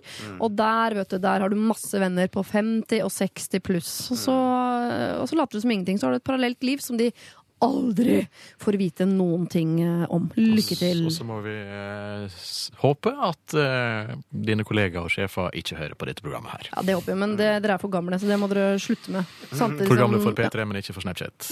Nei. Nei. Logg dere av Snapchat, skru av radioen, eh, slett Facebook-profilen. Kom dere ut i skogen, kjøp skinnnikkers og en fuglehund, og gjør det som gamlinger skal gjøre da, for svarte. Har du problemer og er under 50 år, så kan du sende det inn til oss. Eller alfakrøll.nrk.no. P3. Naughty Boy sammen med Sam Smith. Det der var eh, La La La. Og før det Robin Thicke sammen med Nikki Minaj, Back Together. Lørdagsrådet hører du på. Det er, men det er veldig varmt her inne, folkens. Det må være lov å si. Og jeg kan ikke ta av meg Ola-skjorta, for jeg har ikke noe under. OK. Einar Tørnquist, eh, Are Kalve og Leo Ajkic. Vi skal nå eh, hjelpe en som heter Storm, som er 24 år gammel. Hei, Storm. Hei, jeg har vært sammen med en jente i litt over fem år. Etter ett år eh, møtte hun en annen gutt, og det ble en del lyving og hemmelige møter og heavy flørting osv. mellom dem. Det ødela mye av tilliten i forholdet, men jeg bestemte meg for å tilgi henne, og kom etter hvert over det. Etter påske i år så møtte hun en ny gutt. De møttes på en fest, og hun hadde invitert han med hjem til vår leilighet for den natten. Jeg var bortreist selv og fikk vite om dette da hun fortalte om det til en annen venninne. Han hadde visst sovet på sofaen, og jeg stolte på henne. I tiden etterpå var de veldig mye sammen, og jeg ble ditchet av henne flere ganger da vi hadde planer sammen, fordi hun var ute sammen med han og glemte tiden. Hun sier de bare er venner, men det ble veldig mange lange kjøreturer med bare de to, til små strender, og dagene våre måtte planlegges etter hans tidsplan, slik at de kunne være mest mulig sammen. Hun satt alltid limt til telefonen i tilfelle han sendte melding, og han ble etter hvert på en måte kjæresten, mens jeg var mer en romkamerat. Før sommeren slo vi opp fordi hun ikke elsket meg lenger. Jeg flyttet ut, og etter en uke så spurte hun om vi kunne prøve igjen. Det gikk jeg med på. Men jeg merker at hun er ikke all in. Hun sier at hun er usikker på hva hun føler og trenger tid. Jeg syns alltid det er menneskelig å feile, men nå har det vært to gutter, og jeg er redd for at dette kan gjentas. Jeg elsker henne mer enn noe annet, men er dette noe å satse på? Spør Storm. Oi, oi, oi. La norske gutter svare først, før jeg bare Før du bare kjører på? Ja. Nei. Det er ikke noe å satse på? Nei. Det tror dessverre ikke jeg heller. Men eh, altså, du må i hvert fall ikke dilte med nå, da. For nå bruker hun deg.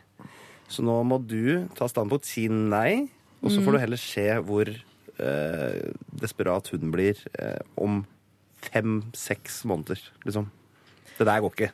Men han elsker henne mer enn noe annet. Det vil si at han elsker henne mer enn sin egen integritet, sin egen framtid. E altså, han elsker henne mer enn noe. Da er man jo villig til å, å dilte, da. Men da er man nødt til å prøve å øh, endre på det, Ok. tror For jeg. hun, hun gjør jo ikke det tilbake. Nei. Nokså åpenbart. Eh, og da er det bedre å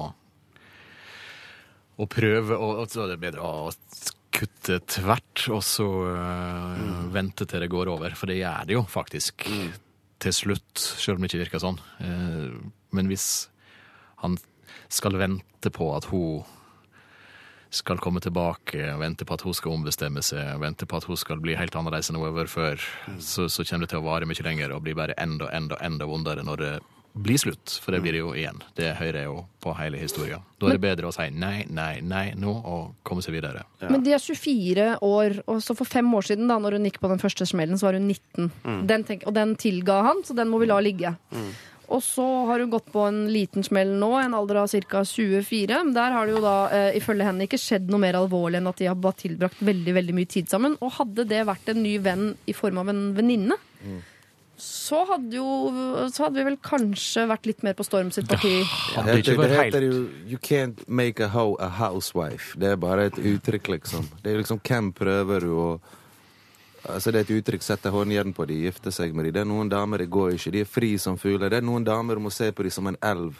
Svømmer de de er rein, men la også andre svømme. Du kan ikke beholde hele elven. Den, den renner for seg sjøl. Ja, jeg ser nok uh, Enten er hun for ung og vil oppleve mer, eller et eller annet, men det er nok tydelige tegn der til å ikke satse på henne. Sånn, du må jobbe, uansett hva du føler, hvor mye du elsker hun, du må jobbe mot det her og prøve å elske hun mindre, for du får jo ikke det samme tilbake. Hun, det ser ut som hun elsker pikk. Sant? Hun går Ja. fra en til en annen. Lange strandturer, kjører bil, venter på telefon. Sjøl, veldig- om det ikke var noe mellom hun og han eh, andre fyren, Ja. noe jeg ikke tror på et sekund, eh, og sjøl om det var ei venninne, Mm. Så oppfører hun seg uakseptabelt eh, overfor kjæresten ved at eh, kjæresten kommer i andre rekke hver gang det skjer noe nytt i livet. Ja. Eh, og dessuten så har hun gått på en tredje smell når hun sier at 'jeg elsker ikke det lenger', og så kommer hun tilbake igjen og sier 'jeg angrer'. Og egentlig en fjerde også, for nå er hun usikker og trenger tid. Ja. Ja. Da, da prioriterer ikke hun han. Hun vet hun har han. Kanskje han burde forandret sin taktikk istedenfor å Jeg vet ikke noe om han griner hver gang hun gjør noe, men kanskje han burde bare satt på en mur og tatt litt avstand, og så ser han om hun kommer tilbake. For det er typisk med damer. Ja. Løper du etter de, så begynner de å løpe fra deg. Men med en gang du har andre bitches på gang, med en gang du lever livet, koser deg og glemmer hun, da kommer de tilbake, liksom. ja men, Kjør deg opp, med en tre- bildene- opp med en trekant i Thailand, whatever. Legg ut bilder på internett der du er med to damer. Skal vi se hvor fort. Ja, men fordi, Hvis hun tenker at du bare er og tenker på hun og venter på hun, Ja. da tar hun seg bedre tid. Vis at du er også i markedet. Du er en av fiskene i havet. Klar, ikke sant? Det, er veldig, eh, det er gode råd, det er tydelige bilder, men han elsker henne mer enn noe annet. Og klarer man Klarer man da eh, Ja, altså han, han har muligheten til å være sammen med henne selv om hun ikke elsker han like mye, men han kan i hvert fall være sammen med henne, og det vil han jo mer enn noe annet. Så da må han gjøre som du sier, jobbe med å Han må jobbe med å elske henne mindre. Ja, ja, ja. Hvordan gjør man det, da? Altså Det eneste som er bedre enn bra, er en ny fitte, så han må ut der og prøve seg frem. Så det er bare Ja. det han må. Ja. Det er veldig fint at du sier det, for jeg tenker det, men jeg bruker ikke Ja, vi er andre her er ikke på når det gjelder ordforråd, føler jeg, i denne samtalen her. Og folk som sier at de som bruker sånne ord, har dårlige ordforråd. Det, er- det er feil. det- er feil. Masse det er feil. Ja. Ja, ja, Vakre bilder, nei, det, det er elv. Men klarer man å ligge med Jeg vet hva du kommer til å svare på dette, Leo. Klarer man å ligge med andre damer når man elsker en annen eh, av hele sitt hjerte? Nei, det er litt vanskelig, det. Selvfølgelig kan man det. Selvfølgelig kan han det. Men eh, jeg, jeg, det, jeg skjønner hva han sliter med. Men tid gå, løser det her. Det er jo ikke noe, noe jeg, jeg er ikke den første vennen som sier det, altså. Nei. Jeg skulle akkurat til å si det var veldig klokt. Tusen Det hjertelig aldri takk. hørt før. Ja. Ja. Det burde noen skrive ned. Akkurat Fyll livet ditt med et eller annet som er litt sånn eh, overraskende. Noe, og overrask deg sjøl med et eller annet. Dra et halvt år og studere til sykepleier i Australia. Ja. Ja.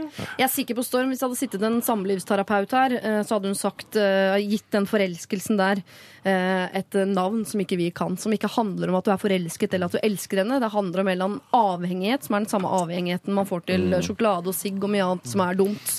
Og hun dama der hun høres ikke helt bra ut for deg. Akkurat som sjokolade og sigg. Og du må bare ha litt tid uten for å skjønne det. For jeg tror den dagen du treffer en du elsker like mye, og som elsker deg like mye tilbake, så vil du skjønne å ja, det er det her som er kjærlighet. Ikke det greiene jeg dreiv med sammen med hun dama. Sorry, altså. Jeg har kjempet din kamp eh, lenge her uh, nå, men uh, i all hemmelighet så har jeg vært på partiet med gutta hele veien. Storm, dette er ikke noe å satse på. Ta beina fatt og løp.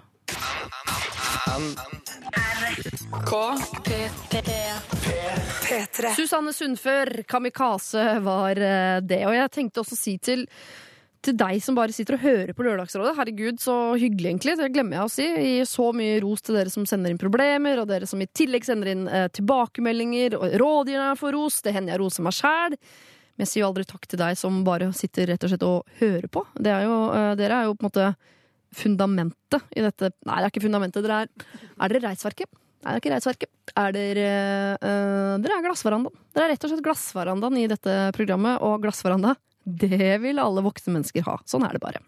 Vi har tatt et bilde av dagens uh, rådgivere og meg selv. Tre uh, kjempesvære menn.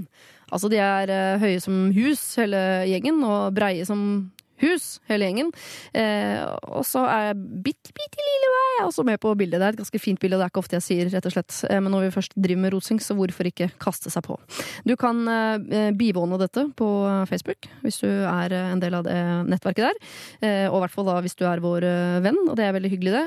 Eller så kan du jo da selvfølgelig se det på Instagram, om du nå har valgt å følge eh, NRK P3 sin eh, Instagram-konto. Kanskje følger Leo, kanskje følger eh, Are, kanskje følger eh, Einar, kanskje følger meg. Hvem vet?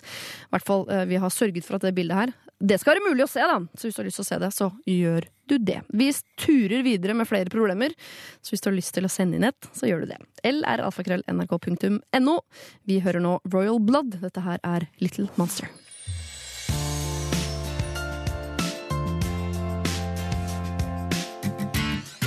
Royal Blood har vi eh, fått med Little Monster her i Lørdagsrådet, hvor vi nå eh, skal møte en som heter Elina.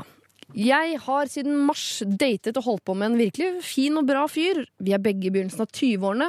Vi treffes mye, altså flere ganger i uka, og gjør ofte pargreier. Så vi er ikke noe eh, pulevenner, bare. Eh, vi har felles venner fra før, vi bor i samme studentby, eh, noen meter fra hverandre. Og vi har det egentlig veldig fint, men her kommer problemet.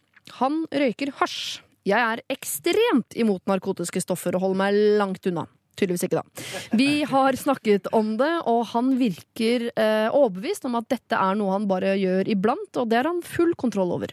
Likevel har han røyket veldig mye før, blitt tatt av politiet en gang, og de fleste i hans vennekrets røyker relativt mye. Altså kanskje en gang i uka eller så. Han drar på utveksling nå i høst i tre måneder, og vi har ikke bestemt noe mellom oss i forhold til dette. Jeg lurer på hva Lørdagsrådet mener om en partner som røyker hasj. Blinker rødlampa deres her? Er det noe vits av meg å satse på han når dette er så viktig for meg, og han i tillegg drar på utveksling? Han er jo en toppen fyr, men Håper dere kan hjelpe. Klem fra stupforelska, men skeptisk jente Lina. Til å hjelpe har jeg med meg Einar Tørnquist, Leo Ajkic og Are Kalve. Blinker rødlampene deres her? Det betyr, bare, ja, det betyr- bare at vi er på lufta. Så det er veldig bra. Ja. Eh, nei, hvis det blinker, er det ikke helt bra, for da høres det sånn ut. Ra. Jeg vet ikke. Jeg syns hun burde lese seg litt opp på det narkotiske stoffet hasj. Ja. Jeg tenker Han kommer ikke til å slå om på henne. Han kommer ikke til å være voldelig. Det hadde vært mye større problem hvis han drakk. Eneste problemet er at det er ulovlig i Norge. ja.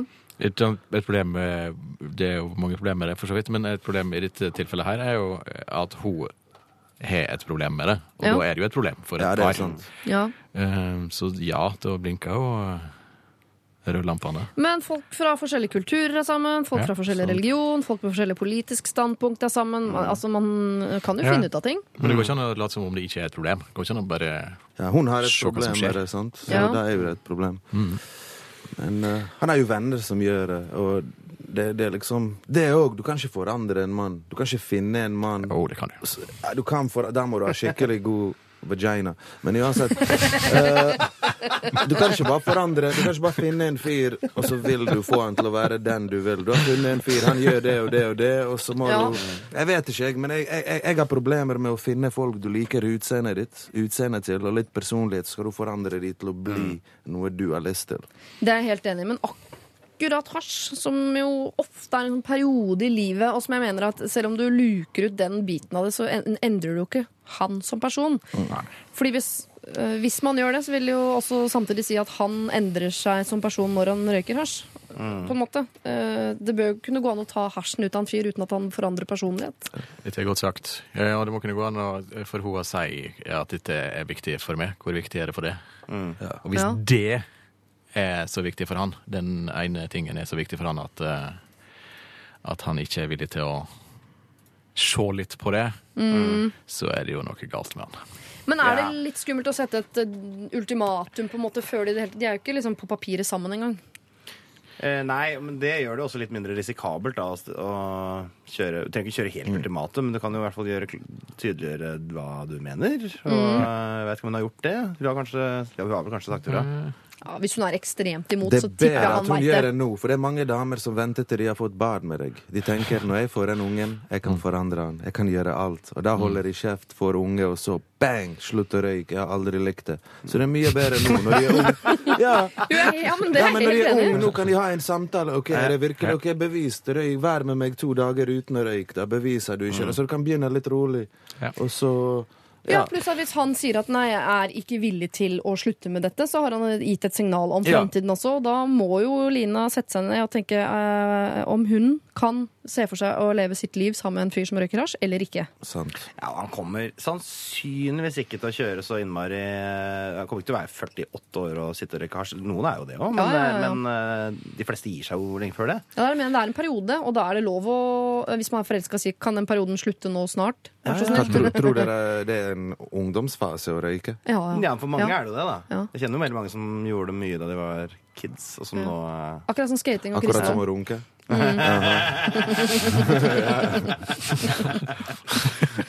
Jeg Altså, føler på en måte at vi kommer ikke bli videre i dette programmet. Nei, må bli lei en dag. Men eh, blinker deres røde lamper? Det er det jo eh, noen her som svarer ja på, og noen som svarer nei på. Det vil si at noen røde lamper blinker. Og hennes blinker jo, og det er jo det viktigste. Rødlampa hennes blinker. Og da tror jeg det er veldig viktig, som Leo sier, at eh, ta det nå. Ta det nå, ja. Mm. Eh, altså, det er ikke noe vits å vente, men du trenger ikke å late akkurat som jeg lata som jeg likte fotball i begynnelsen, for så å smyge inn litt seinere at jeg gjør ikke egentlig det. mm, Da du fikk unger. ja, Jeg liker at hun har litt standarder og moraler og ting som hun vet hun ikke vil ha eller vil ha. Det, det er bra. Jeg vil ha en mann som Ikke absolutt har et mål om å ha en karriere, for eksempel. Eller vil ikke ha en mann som gjør det og det. Så det er jo bra at hun vet smålig hva hun vil og ikke vil ha. Ja. Så selv om det er litt skummelt å sette ultimatum og være for kravstor, og det er man jo redd for i begynnelsen når man er stupforelska, så tenker jeg at dette her er en liksom deal-breaker for deg, dette med hasj, og da er det greit å si fra med en gang, før du har surra deg inn i det, og så virkelig investert følelser og blitt et par, og så skal man ta det. Det blir i feil rekkefølge, altså. Så Lina, her er du eh, rett og slett nødt til Ta det nå, før han drar på utveksling. Eh, før dere finner ut av hva dere to egentlig er for noe. Så si at det der, eh, det liker ikke jeg. Og hvis det er noe du har tenkt å fortsette med, så kan ikke vi være et par. Det hører jeg er en samtale du ikke kommer til å ha akkurat sånn, men du er i hvert fall nødt til å ta det nå. Eh, I hvert fall før dere får barn, da. Lykke til. Man kan alltid forbli pulevenner, da. Ja Eller hun kan begynne å røyke hasj. Nei, det kan du ikke. Nei, det kan Nei, nei, nei, nei, nei, nei, nei, nei, nei. Dette er P3. Sara Larsson, 'Lush Life' var det, og før det eh, 'Can't Hold Us' med Macklemore, Ryan Lewis og Ray Dalton. Nå dere, skal vi treffe en som heter Kristine. Eh, Hun er eh, eldre enn oss og har et problem jeg tror ingen av oss har støtt på i livet så langt. Det føler jeg meg ganske trygg på. Det gjelder for så vidt også en del av problemene jeg har tatt tidligere i dag. Eh, hæ? Hvor gammel er du? Hvor gammel er Kan du du? gjette hvor gammel, gamle vi er? Um, ok, Einar Tørnquist, du er 34. Ah, 33. Mm, bra jeg ikke sa 37, var det jeg tenkte først. Are Kalvø, du er um, 41. Tusen takk. 62. 62 var det. 62, ja. Ja. Synd. Ikke 41. Nei, 45. Å, Så kanskje jeg er eldre enn innsenderen likevel. Ja, ja, det er du faktisk eh, da. Du er akkurat like gammel som min mann. Så deilig aldersgruppe, det greiene Det er der. Ok, vi går videre. Leo Ajkic, du er 33. Nei. 29. 31, 31. 31. Ok, ja. Siri Kristiansen er 42. Nei, jeg er 45. 97. Yes, ok. Kristine er en dame i 40-åra som bor alene med to barn i en leilighet på østkanten i Oslo. Pappaen til barna bodde på en annen kant av byen, men flytta for noen år siden i nærheten av der vi bor, for å kunne bo nærmere barna. I utgangspunktet en veldig fin tanke, men han spurte aldri meg da, om jeg hadde tenkt å bli boende her før han flyttet hit. Og jeg vet ikke om jeg har lyst til å bli boende her. Problemet mitt er nemlig at jeg trenger mer plass, og med prisene som er i Oslo, så er det eneste alternativ for meg å flytte ut av byen og pendle for å jobbe. Men kan jeg det? Barna har det jo helt topp nå, med mamma og pappa i nærheten av hverandre. Og pappaen til barna har jo investert ganske mye penger i å bo akkurat her. Det er jo ikke snakk om at jeg vil flytte til en annen kant av landet, men det vil uansett bli mer tungvint for, tungvint for alle parter om vi igjen bor et stykke fra hverandre. Og er det fair overfor pappaen, som egentlig kun tenkte positivt da han valgte å flytte hit? Så mitt dilemma er kan jeg flytte, eller må jeg ta hensyn til pappaens valg om å flytte nærmere oss? Kristine. Hvor gamle var barna, sa du? Eh, altså, de er eh, barneskolealder. Barneskolealder, ja. Så de går på skole, da. Det er jo et element her. Det er damen som skriver til oss. Hun sjøl. Ehm, Skulle gjerne visst om hun har de 100% eller om det er annenhver uke. For å være helt ærlig Det må jeg innrømme at jeg skulle gjerne visst For det har Ja. litt å si i forhold til uh, om barna må pendle til skole annenhver uke. Jeg skjønte ikke problemet. Jeg, jeg, ett sekund så så jeg opp i lyset, og så glemte jeg. Så plutselig var det ferdig problemet. Så jeg du, fikk ikke det du, med du meg. fulgte ikke med, rett og slett? Nei. Seriøst Jeg det. plutselig koblet av. Dame, 40-åra, to barn som går på barneskoleaktig. Eh, bor på østkanten. Eh, Eksmannen, far til barna, har flyttet dit for å bo nærme barna, men nå vil hun flytte et annet sted. Hun vil flytte nå. Hun vil flytte videre. Kan hun det, eller må hun ta hensyn til far? men hun har råd til å bo der hun bor, men hun har for lite plass. Ja. Hun har jo ikke for lite plass. Hun bor jo der. Godt poeng. Mm. Ja. Det er mulig at leiligheten har krympa. Barna Ja. blir jo større da, for hvert år som går. Ja, men de tar jo ikke mer plass, på en måte. Altså, de, selv om de er, blir høyere og sånn. For det tar ikke mer plass med Nei, men du har jo, Helt matematisk gjør det ikke. I taket. Eh, altså. Neida. Nei, det, er, det jeg mener er bare at jeg tror kanskje at det beste er å bli boende der litt til, i hvert fall. Ja. Eh, mens barna er liksom ja, pokker, da. Ja, det, det, altså, det, er jo i, det er jo i utgangspunktet veldig riktig og fint eh, gjort av uh, far. Mm.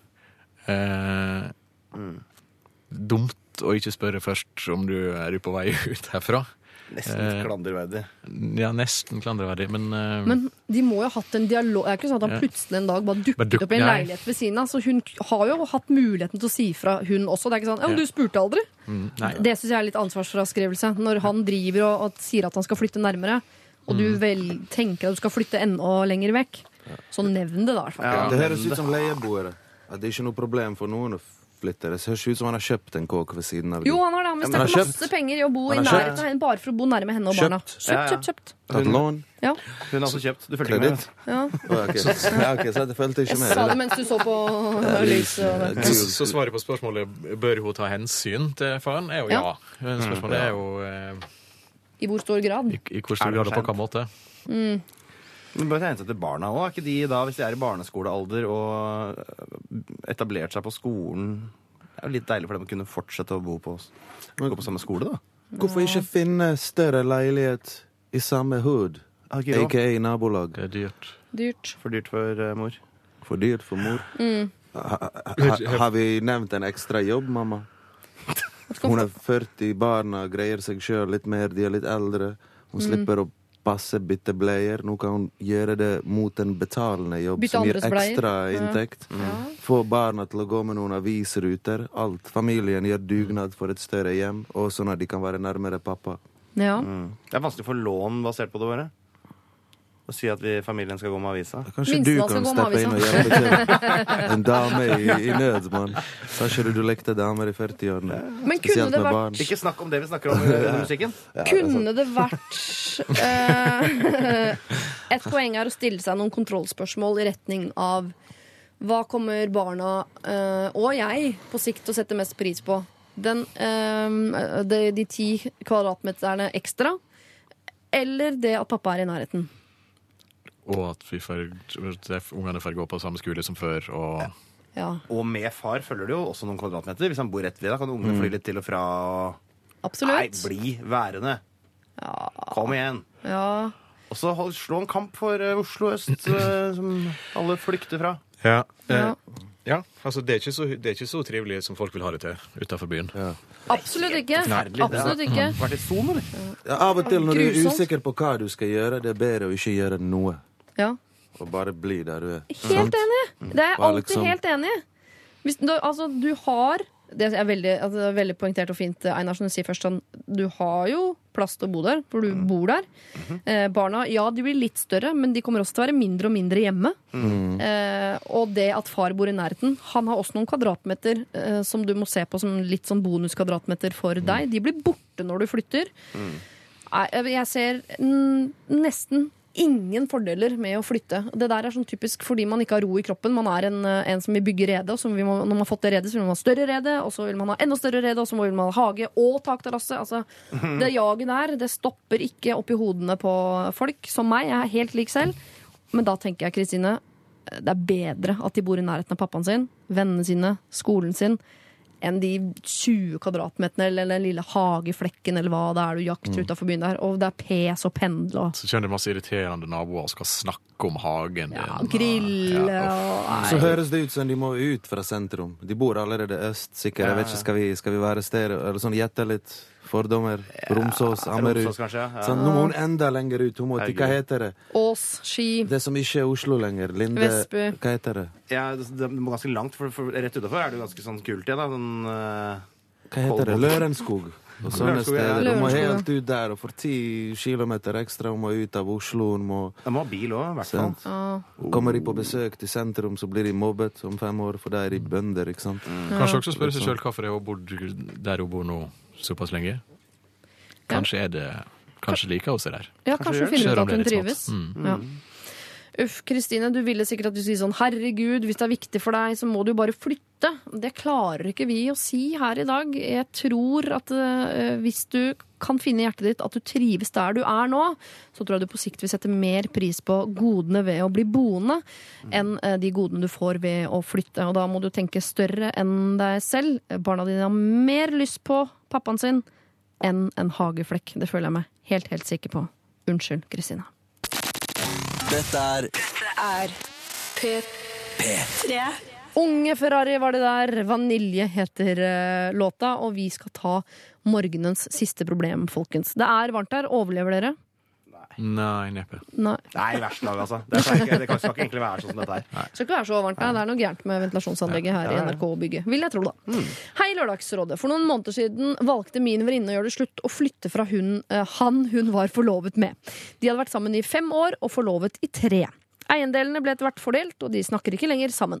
Men det er én ting hun er litt usikker på hva hun skal gjøre med, og det er forlovelsesringen. Han har ikke spurt etter den, og hun har heller ikke nevnt den. Går dette som en annen gave, som du altså selvfølgelig får beholde, eller gir, sender du den tilbake til den du har fått den av? Kan den leveres inn for å smeltes om, altså selge den? Foreløpig ligger den i en skuff, og vi håper på råd fra dere. Elisabeth. Her har altså en, eh, en fått venninnen sin til å sende inn problemet, men det høres ut som de sitter ved siden av hverandre foran maskinen. Hva gjør man med en forlovelsesring etter avbrutt forlovelse? Jeg har aldri vært forlovet av dere. Nei. Nei. Og hvis jeg hadde gjort det, så hadde det i hvert fall ikke vært noe ring involvert. For jeg skal, jeg skal ikke betale for forlovelsesring og så giftering. Enig. Jeg er helt enig. Er Det skal man ikke gjøre, altså. Nei. For noe tull. Ja. Ja, men den, skal, den eh, kan du beholde hvis du vil, Mm. syns jeg. Eh, Eller du kan kaste den hvis du vil. Jeg skal ikke sende den tilbake. Det virker bare Ja, jeg er litt uenig som en demonstrasjon. Det er en ring du tar imot kun hvis du skal gifte deg. Du tar den ikke imot hvis ikke du skal gifte deg. Og forresten, jeg tar den diamanten, men jeg vil ikke ha deg. Den ringen betyr tar du meg. Ja. Så når du tar den ringen, så tar du han. Skjønner du hva jeg mener? Var, ja, men var det ikke en rettssak på dette? Var ikke det noe Kardashian-opplegg? Hvor hun måtte gi tilbake en diamantring som Den kostet jo Ja, altså, milliarder kroner. Den- Den ringen representerer et forhold eller et eller annet, eller begynnelse på et forhold. Ja. Den der skal representere forlovelsen, og så kommer det en ny ring når de gifter seg. Men hvis det er brutt før Nei, hun må gi det tilbake, så han kan gi det tilbake til butikken, få pengene sine igjen. Nei, nei, nei. nei. Altså, den, eh, representerer, ringen representerer noe som var, som ikke lenger er. Akkurat som ei gave du gir til en kjæreste som det er slutt med. Og den gava får den kjæresten lov til å beholde. Mm. Men er ikke poenget med ringen at den nettopp ikke symboliserer det som var, men det som kommer? Ja. Jo, den gjorde det da. Ja. Men når det er slutt, så symboliserer han noe som var. Det kan du få lov til å beholde som et minne, hvis du vil, eller gjør det du vil med. Så ved et en brudd så snur vi klokka. Eh, ja. Jeg hadde Det vært med, jeg har hadde vært med på den hvis damene gav oss, gav oss ring. Ja. Ja. Utenkelig. Men jeg, hadde som, jeg som har tenkt å kanskje kjøpe en nice diamant, en to karat ja. Du vil vet. ha den tilbake. Selvfølgelig vil jeg ha den tilbake. Ta av ringen, putte den i øret mitt. Det er ikke så viktig. Jeg kan ha den på pungen for alt det bryr Ja. meg, men hun trenger ikke ha den. Hun trenger ikke gå med en diamant som representerer vår kjærlighet som ikke hun vil ha. Nei, jeg skal ikke gå med han. men uh... Hva skal hun ha han i skapet og selge han? Og la ungene arve han som aldri har møtt meg, som er en annen mann sine? What? Vet du hva, jeg trodde ikke jeg skulle være enig med deg på det, Leo, men jeg merker at jeg er tilbøyelig til å bli med over på din side her. Men for meg så handler det faktisk lite grann om hvem som gjorde det slutt. Og det var hun i dette tilfellet. Hadde han Ja, kastet nettopp. den ut, så hadde jeg tatt med meg ringen og sagt sayonara. Ja. Men hun har valgt å forlate han. Da kan hun ikke ta med seg ringen som han har gitt til henne, som symboliserer deres felles framtid. Men hadde de vært gift, Ja. og de hadde skilt seg, så beholder hun jo forlovelsen sin, for da symboliserer den fortida. Men Men nå symboliserer den egentlig en felles framtid som hun har valgt å eh, avblåse. Tenk deg, Hun kunne slått opp med han nå og brutt forlovelsen bare ved å levere ringen tilbake. Det hadde symbolisert et brudd. Slutt på forlovelsen. Så bare det i seg sjøl betyr Ja, ja, at hun burde gitt gjorde tilbake. det. Men hun lurer på det selv, da. Så det betyr at det bøgger henne litt at hun går. Men samtidig så merker jeg også at hun har litt lyst til å smelte den om til noe annet litt fint som hun kan bruke på julebordet. Men hva er- Golddig- Golddigger, sier bare jeg, ass. Ja, men er det så farlig? Gi den tilbake. Det er jo en kul ting å gjøre, det. det du, skal du cashe inn på den? da? Hva Er det sikkert ikke Har du mer enn snudd? et par tusen kroner. Jeg har snudd som ei. Ja. Jeg må, jeg må bestemme meg. Har du også ombestemt deg? Send den tilbake, så er du liksom fet. Ja. Fett. Bra jobba, Leo. Ja, ja, men vi må jo stå opp for våre rettigheter av og til. Vi har, altså, alle fire i båten har eh, snudd. Ja. Når Leo snakker, så blir alle enige. Sånn er det. Vi har så mye bra bilder. Vi vil blende av det. Samlende figur for oss her i Lørdagsrådet. Du må faktisk levere tilbake den forlovelsesringen. Du har valgt å gå fra en mann som har gitt deg noe som skal symbolisere deres felles framtid. Og det gjør ikke den ringen lenger. Eh, Så den må du levere tilbake, dessverre. Men ikke gjør det sånn 'Her er du ringen!' Ikke gjør det sånn surt. Gjør det som en, eh, en hyggelig gest. Sånn 'Jeg beklager, det ble ikke oss to. Her har du tilbake det som symboliserte det som ikke ble noe av.' Og så får han velge hva han skal gjøre med den ringen. For han kan, si, han kan jo si nei, men den skal, kan du bare beholde. Og da beholder du den. Men her aner jeg et fremtidig Lørdagsrådproblem. Sånn, jeg er forlova med en fyr, og jeg har fått en ring som han har gitt en annen dame før. Det er jo helt greit. Da tar vi tak i det problemet når det eventuelt måtte komme. Enn så lenge så må du faktisk levere tilbake ringen. Det var siste problem her i Lørdagsrådet i dag. Vi skal straks dele ut en kopp til den dere mener at har fortjent det mest. Men send inn problemer allikevel, for vi er tilbake om en uke. lralfakrøll.nrk.no. P3. Dette er Lørdagsrådet på P3. P3. Paris var det med sin Fire, og før det Donkey Boy- med sin Hero. Huh, vi eh, er nå snart ferdig med vår Bikram-yoga her sammen eh, i dag, i dette enormt varme studio. Men før dere går, så må dere dele ut en kopp til den dere mener fortjener det mest. Ja. Jeg skal gå gjennom fra toppen, ja. Eh, vi har en jente som var inne på Mac-en til typen sin, og der fant hun at han er ofte inne på en side som heter Nakenprat. Det liker hun ikke så godt. Er det bare fantasier, eller er dette folk han eh, møter i virkeligheten, osv. Eh, vi har en eh, jente som er livredd for å være om bord på en båt. Men familien til kjæresten har båt, og de er ofte på båttur. Hun lurer på hva hun skal gjøre. Og så har vi eh, disse søstrene da, som lurer på hvordan de skal hjelpe sin eh, syke og slitne mor, som uh, pga. 20 år gammel gjestfrihet fortsatt får et tysk ektepar på besøk i ukevis hver eneste sommer, som verken lager middag eller vasker opp etter seg. Vi har eh, en, eh, som, en ung jente som eh, plutselig eh, blir bedt om å legge til sjefen og de andre kollegaene som er i 50- og 60 pluss-gruppen, og legge til de på Snapchat. Skal hun det, da?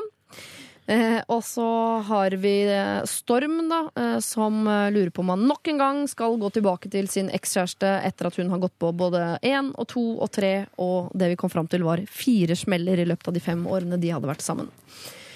Så eh, er det en som lurer på Skal jeg satse på en fyr jeg liker veldig godt, men han røyker hasj, og det er jeg sterkt imot.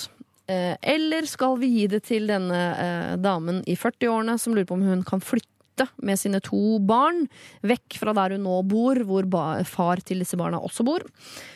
Og altså til eh, slutt eh, Elisabeth som spør på vegne av sin venninne om eh, hun må levere tilbake forlovelsen etter at hun har valgt å bryte da forlovelsen.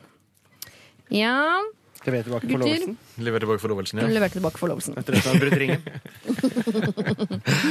Jeg veit hvem jeg syns mest synd på. Ja. Det er eh, hun med Snap. Nei da, det er ikke det. Det er han med Storm. ja. Som eh, nå er dypt ulykkelig og forelska og alt på en gang, og er nødt til å gå litt i kjelleren en stund. Ja.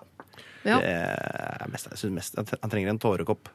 Storm trenger en kopp som han kan fylle med, med sin favorittsprit. Mm. Eh, som han skal drikke opp og sette seg sjøl. Eh, hun der trenger ikke. Nå drar jeg ut i verden og gjør noe morsomt i stedet. Så Ja. kan hun sitte der og være teit. Ja. Mm. Storm er vår mann, altså. Hva mener du, Leo? Jeg er, jeg er helt enig med dere. Storm kan få en kopp. Mm. Han har det verst her. Og det er absolutt Storm jeg ikke ville vært. Derfor gir jeg han en kopp. Alle de andre som har sendt inn sine problem i dag, ville jeg gjerne ha vært. Spesielt hun som må spørre kjæresten sin hva han driver med på nakenprat. Spesielt. Noe å se frem mot. Ja, Storm har det kjipest, tenker jeg. Liksom, her. Og Ja. det, Ja. Jeg skal ikke motsi dere. Dere er enige om dette, så skal ikke jeg sette meg på bakbeina. Jeg Men du sender- hadde en annen favoritt, egentlig? Nei, nei, nei, nei, absolutt ikke. Kan jeg få en kopp? Jeg har aldri fått noen kopp. Nei. eh, Nei, ikke Nei. Jeg kan ikke få kopp. Nei. Så, vi, vi har jo sittet her i tre problem, timer. eh, Siri. Du kan sende et problem. Og hvis vi syns skikkelig synd på deg, så Men får du en hvis jeg ikke har noen problemer, da da, Nei, da får du ikke noe kopp. Nei. Nei. Sånn er det bare. Skaff deg et problem. Det er jo det et problem. Da, Ja, nå har det blitt et problem. Ja, det er sant. Men i dag er det i hvert fall deg, kjære Storm, som jeg med glede sender en eh, kopp til. Eh, fordi du trenger noe annet nå å tenke på enn denne dama. Jeg vet det er vanskelig å bytte ut drømmedama med, en, eh, med et krus, men, eh, men, han kan det begynne med noe. nakenprat, han òg. Ja. Kanskje han finner noe der. Logg deg inn på Nakenprat. Da er det i hvert fall greit å ha en kopp som du kan fylle med hva du vil. Tusen takk, gutter, for at dere ville tilbringe lørdags formiddag sammen med meg. Det er masse igjen av den, så jeg håper dere får en fortreffelig lørdag videre. Og husk å stemme på mandag, da. Ja, jeg har jo forhåndsstemt allerede, så det ble jo helt irrelevant for meg. Ja, Men dere andre, da. Sa du stemmer det for å være morsom, eller var det ufrivillig? Stemmer. Du sa Stemmer det? Stemmer det. Ja, nei, det, Ah, vet du hva? det Jeg, var bare, gøy. jeg, jeg bare Nei, det er var ikke morsom. det, Det er ikke egentlig. meningen engang. Nei, det er bare sånn som skjer helt eh, aldri tiltenkt. Bare På slump hver gang. Hver gang. Men du kan jo sette det opp på en scene. Jeg prøver å du avrunde ut og sier programmet, stemme. Einar. Å, ja. Hvordan går det, syns du? Nei, det gikk greit en stund. Nå begynner det å skli ut. Ja, Så det heller at du tar et valg. Ja. ja. Jeg hater dere, altså. Takk i like måte. Ha det da, gutter! Ha det bra. Ha det, ha det. bra, jenta mi. Veldig hyggelig. Lørdagsrådet På P3. P3 Paranoid Android Radiohead fikk du der, og eh, rådgiverne har fått lov til å gå videre i sine lørdager, og det skal du også få lov til straks. Kanskje sammen med lunsjkake, hva vet jeg. Det er de som tar over her nå etter Lørdagsrådet. Det er lunsjkake uten Line, selvfølgelig, for Line hun reiser jorda rundt for tiden. Og hun gjør det alene, men samtidig ikke fordi du kan være med på reisen hennes lite grann. Du kan hjelpe henne å finne steder å bo, finne mat, komme seg videre rundt eh, jorda. Eh, du finner henne både på NRK sine nettsider, eller du kan følge henne på Instagram, og i det hele tatt mulighetene er mange hvis du har lyst til å hjelpe Line å komme seg trygt jorda rundt. Fram mot eh, nyhetene så skal du føre Astrid S med sin 2AM, men jeg tenkte først bare å minne deg om at dagens program, hvis du elsket det hardt, så kan du høre det om igjen som podkast, eller i radiospilleren for den saks eh, skyld. Last ned iTunes, eller iTunes, som det jo heter. p3.no podkast, eller hva du nå velger å øh, gjøre for å få tak i denne podkasten. Den er nå i hvert fall gratis og ekstremt tilgjengelig. Og så kan du gå inn på Facebook. Kommentere, da, hvis det er noen råd du syns mangler, eller et bilde du syns henger skeivt, eller hvis det skulle være et eller annet du har lyst til å gjøre oss oppmerksomme på. Eh, det eneste for meg å si ha en fortreffelig lørdag videre. Take it away, Astrid. Dette er Dette er P3. P3